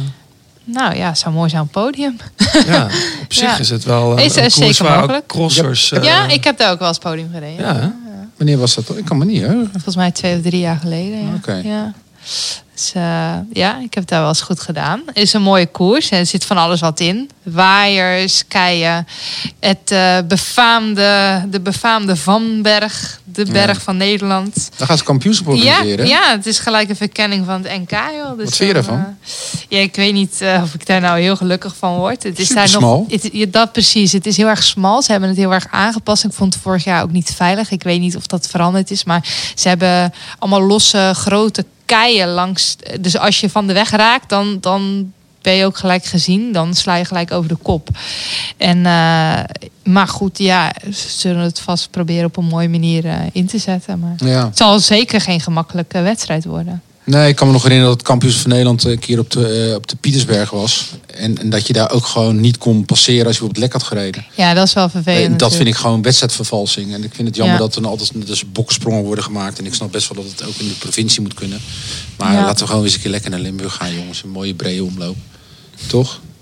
Nou, ik kijk altijd uit naar Limburg. Ik ben wel, ik ben pleiten vandaag, hè? Ja, zeker. ik vond de laatste keer Ede was natuurlijk, dat vond, ik- dat vond ik ook eh, saai. Ja, dat is... Er was geen reet aan, sorry Nee, hoor. Maar... Nee, en, daar, en daar hadden ze in de buurt genoeg eh, leuke Nou, dat is kunnen- vooral heel bijzonder natuurlijk. Maar daarin zie je dan misschien toch ook alweer hoe moeilijk het is om iets te organiseren in deze tijden. Ja. Maar, maar rijden jullie nou de Drentse 8 van Westerveld? Ook ja, maar die rij ik niet. Die is op Oh, vrijdag. Ja, oké, precies. Ja. Ooit, vroeger, toen ik nog, nog jong was, had je drie dagen koers daar. Ja. Drie dagen elkaar. Vrijdag, zaterdag, zondag. Ja. Ja. Maar Drenthe, dit wordt gewoon een belangrijke eh, voorjaarskoers. Nee, het was Ja. natuurlijk voor heel veel mensen al. Ja, ja. Eh, maar voor de, ik ben ook benieuwd wie er, eh, wie er allemaal uiteindelijk gaan rijden. Want ik las wel iets dat ehm, mensen van de organisatie vertelden. Ja, die koersen zijn ook wat ze zijn door de, de kleinere ploegen die Ja. hier altijd komen. Dus waarom zouden we nu ineens alle World Tour ploegen eh, een, een plek Nou, geven? ik ken die organisatie een beetje. Die mensen doen het echt al jaren. En eh, die vinden dat wel mooi hoor. Ja, die, nee, die genieten hier zeker van. Maar het klopt wel wat je zegt natuurlijk. Dat, dat ze eigenlijk, ik bedoel, ja, eh, bij ons in de omgeving, eh kijk, een kokenjongen, die rijdt dan nu voor Jumbo Development Team. Ja, die ziet een koers geschrapt worden natuurlijk. eh, Doordat, die, eh, doordat de, de, de echte mannen tussen aanstekers eh, nu daar Hij- graag willen rijden. Ja. Ja. Hoewel, je mag tegenwoordig als stagiair gewoon mee, hè? Als je in, in orde bent. Oh, ja. Dat is dit jaar. Ja, dat klopt ja. Oh, Dat is is het wel- een nieuwe regel? Ja, dat is dus heel fijn. Ja. pas vanaf augustus Ja, of dat zo? is dus nieuw. Ah, Eh, oké. er Ja, is Zo'n zo jongen van Francais de Jeu, toch? Maar ook Die, voor eh, Jumbo Visma heeft ook iemand ja. in de Provence al gereden. Oh, oké. Ah, vind ik wel een goede Ja, ik vind heel ja. goed. Ja. Het is alleen eh, weer lastig voor de voorspellingen. Ja. Daar moeten we het Oh, even jee. over. Ja, want Ja. daar moeten we het toch even over hebben. John, ook al doe jij even dit voorjaar niet mee. Eh, ja, we- Milaan Sanremo. Ik, ik- ja, ik had er heel erg naar uitgezien. Maar dat is dus de eerstvolgende wedstrijd die dan meetelt voor, eh, voor onze lijstjes. Dat is denk ik pas de pannen. Ja. Ehm, maar ja, om het daar nu al over te gaan hebben, er kan nog zoveel gebeuren. ja, ik denk dat is. Weersafhankelijke Ja. koers. Ja, zeker. Laten we dan een flesje verwedden op de winnaar van Parijs-Nice. Ja, maar we, we hebben allebei dezelfde winnaar. Nou, dan roep ik een andere winnaar. Oh, dan ben ik wel benieuwd naar die andere naam. Eh Thibaut Pinot. Ah, nou. En wat voor wijn? Iets uit de streek van Nice. De laatste keer. eh, Had jij een Sancerre meegenomen? Ja, dat moest wel. Ja, zeker. Onze Duitse vriend van Bora. zeker. Die top 5 ging rijden. Komt goed. Eh, mensen, we gaan afsluiten. Lucinda, ik vond het echt te gek dat je er was. Ga je Ja, dit ik nou ook zelf leuk. terugluisteren? Want normaal Dat luister weet ik je het- eigenlijk Nee. niet. Ja. Jij zei voor de, voor, Ja, ik voordat ben niet- begonnen, mijn ik vind het eigen niet zo stem leuk om ik mijn al- eigen stem te Nee. horen. Maar ja, eh, normaal luister je dit natuurlijk, ja, de grote klopt. plaat. Ja, misschien moet ik het toch wel opzetten. Ja, Ja, Ja. ga ik doen. Gewoon doen. Eh, we willen graag nog wat mensen bedanken. Fleur Wallenburg voor het uitlenen van haar stem. 36 voor de fietskleding die je nog steeds kan. Kan je die nog steeds winnen? Ik weet nooit zo Ja, goed. zeker. Ja, dat vraag ik altijd. Maar ik, omdat ik nooit zo goed helder heb hoe dat nou zit. Dat is een trouwe partner. Elke week, eh, elke, elke podcast, eh, een leuke reactie. Die, nu Oh, gaat ja. hij naar Las Vegas. Hij gaat nu Las Vegas. Pankra natuurlijk voor het logo van de grote plaat. En onze nieuwe sponsors, Arti Velo. Dat zijn hele prachtige bike dogs. Zeker. Eh, dat zijn heel, ik hem zelf ook. Je hebt hem zelf ook. Artivelo.com en dan eh Nederlands, slash Nederlands. Dan kun je alles erover lezen. Eh, je, kunt het, ja, je kunt je fietsen gewoon heel chic eh, aan de muren bevestigen. Dan is het bijna een soort kunstwerk. Als je de goede fiets hebt natuurlijk. En dat heb jij, Lucinda. Ja, ik ben geïnteresseerd. Ja. Ehm, en natuurlijk onze andere sponsor Q Factory in Amsterdam. Eh, wat is daar de aankomende periode allemaal te zien en horen, John? Nou, er wordt heel, heel divers geprogrammeerd. En dat vind ik eigenlijk wel leuk. Dus ik, eh, ik, ik zat eventjes gisteren te, te scrollen. Eh 14 maart eh, er staat Forever Amy staat daar. Eh, Amy Winehouse is natuurlijk overleden. Maar eh, die werd eigenlijk de laatste jaren al door haar band gewoon gered. En allerlei backings. Goeie band, hè? Ja, Die konden, zij konden er niet zoveel meer van. Eh, die hele band die staat nu dus in de Q Factory. En de, de Italiaanse Alba Plano, dat, dat is een soulzangeres, een jazzzangeres, die neemt de plaats van Amy in. Dus het leek me wel heel erg leuk. Eh, verder is er elke maandag, ja, ik ben natuurlijk een oude lul en jij kent dat ook nog wel, Johannes. eh, Countdown Café met Kees Baars. Dat wordt dus live wordt dat, eh, opgenomen en dan krijgen de mensen gratis concert bij. Monique Kleeman van Lois Lane, die, die treedt op. Maarten van Praag, Robbie Valentine, ja, de 80. Robbie Valentine, wow. Dus dat is hartstikke leuk op een maandag. kost niks, kun je zo naartoe. Eh 22 maart staat het nummer When Will I See You Again. Dat ken je natuurlijk wel. Hè? Mhm. Eh, dat zijn de Three Degrees. Eh, weet niet of het de originele bezetting is. Volgens mij wel. In ieder geval de zangeres. De, een van de, van de originele bandleden eh, zit er nog bij. Lekkere Philly Soul. eh, Dirty Old Man. Dat, eh, Nou ja, en, en, en alles is terug te vinden op Q Factory. ja. Als je daar eh, even... Ik neem aan dat... Even eh, Q-factory-amsterdam.nl en dan eh, kun, je, kun je sowieso zien wat ze allemaal te bieden hebben. Ja. Princess Nokia trouwens is ook binnenkort in Amsterdam te zien. Paradiso. Jonathan Wilson ook. Nou, goed om even genoemd te hebben. Ook in België trouwens, in Tr- Trix Ja. speelt ze. Ehm, iedereen bedankt voor het luisteren natuurlijk. Laat even een reactie achter op Apple Podcasts of op Twitter of op Instagram. De Grote Plaat. En wie weet eh, haal je volgende keer de podcast. Tot zover, tot een volgende. Ja, dus Ja. even afwachten wanneer we eh, weer klassiekers kunnen gaan kijken. Maar Blijf gezond. blijf gezond. Eerste Parijs-Nice. Roger Vargas, can you believe it? That is the most extraordinary conclusion to a bike race I have ever seen. Joop Zoetemelk valt. Oh god, wat een drama misschien. Terpstra heeft het voortreffelijk en heel verstandig afgerond. Bardia for the first time since 1981 for the Netherlands. It's Balkan Day.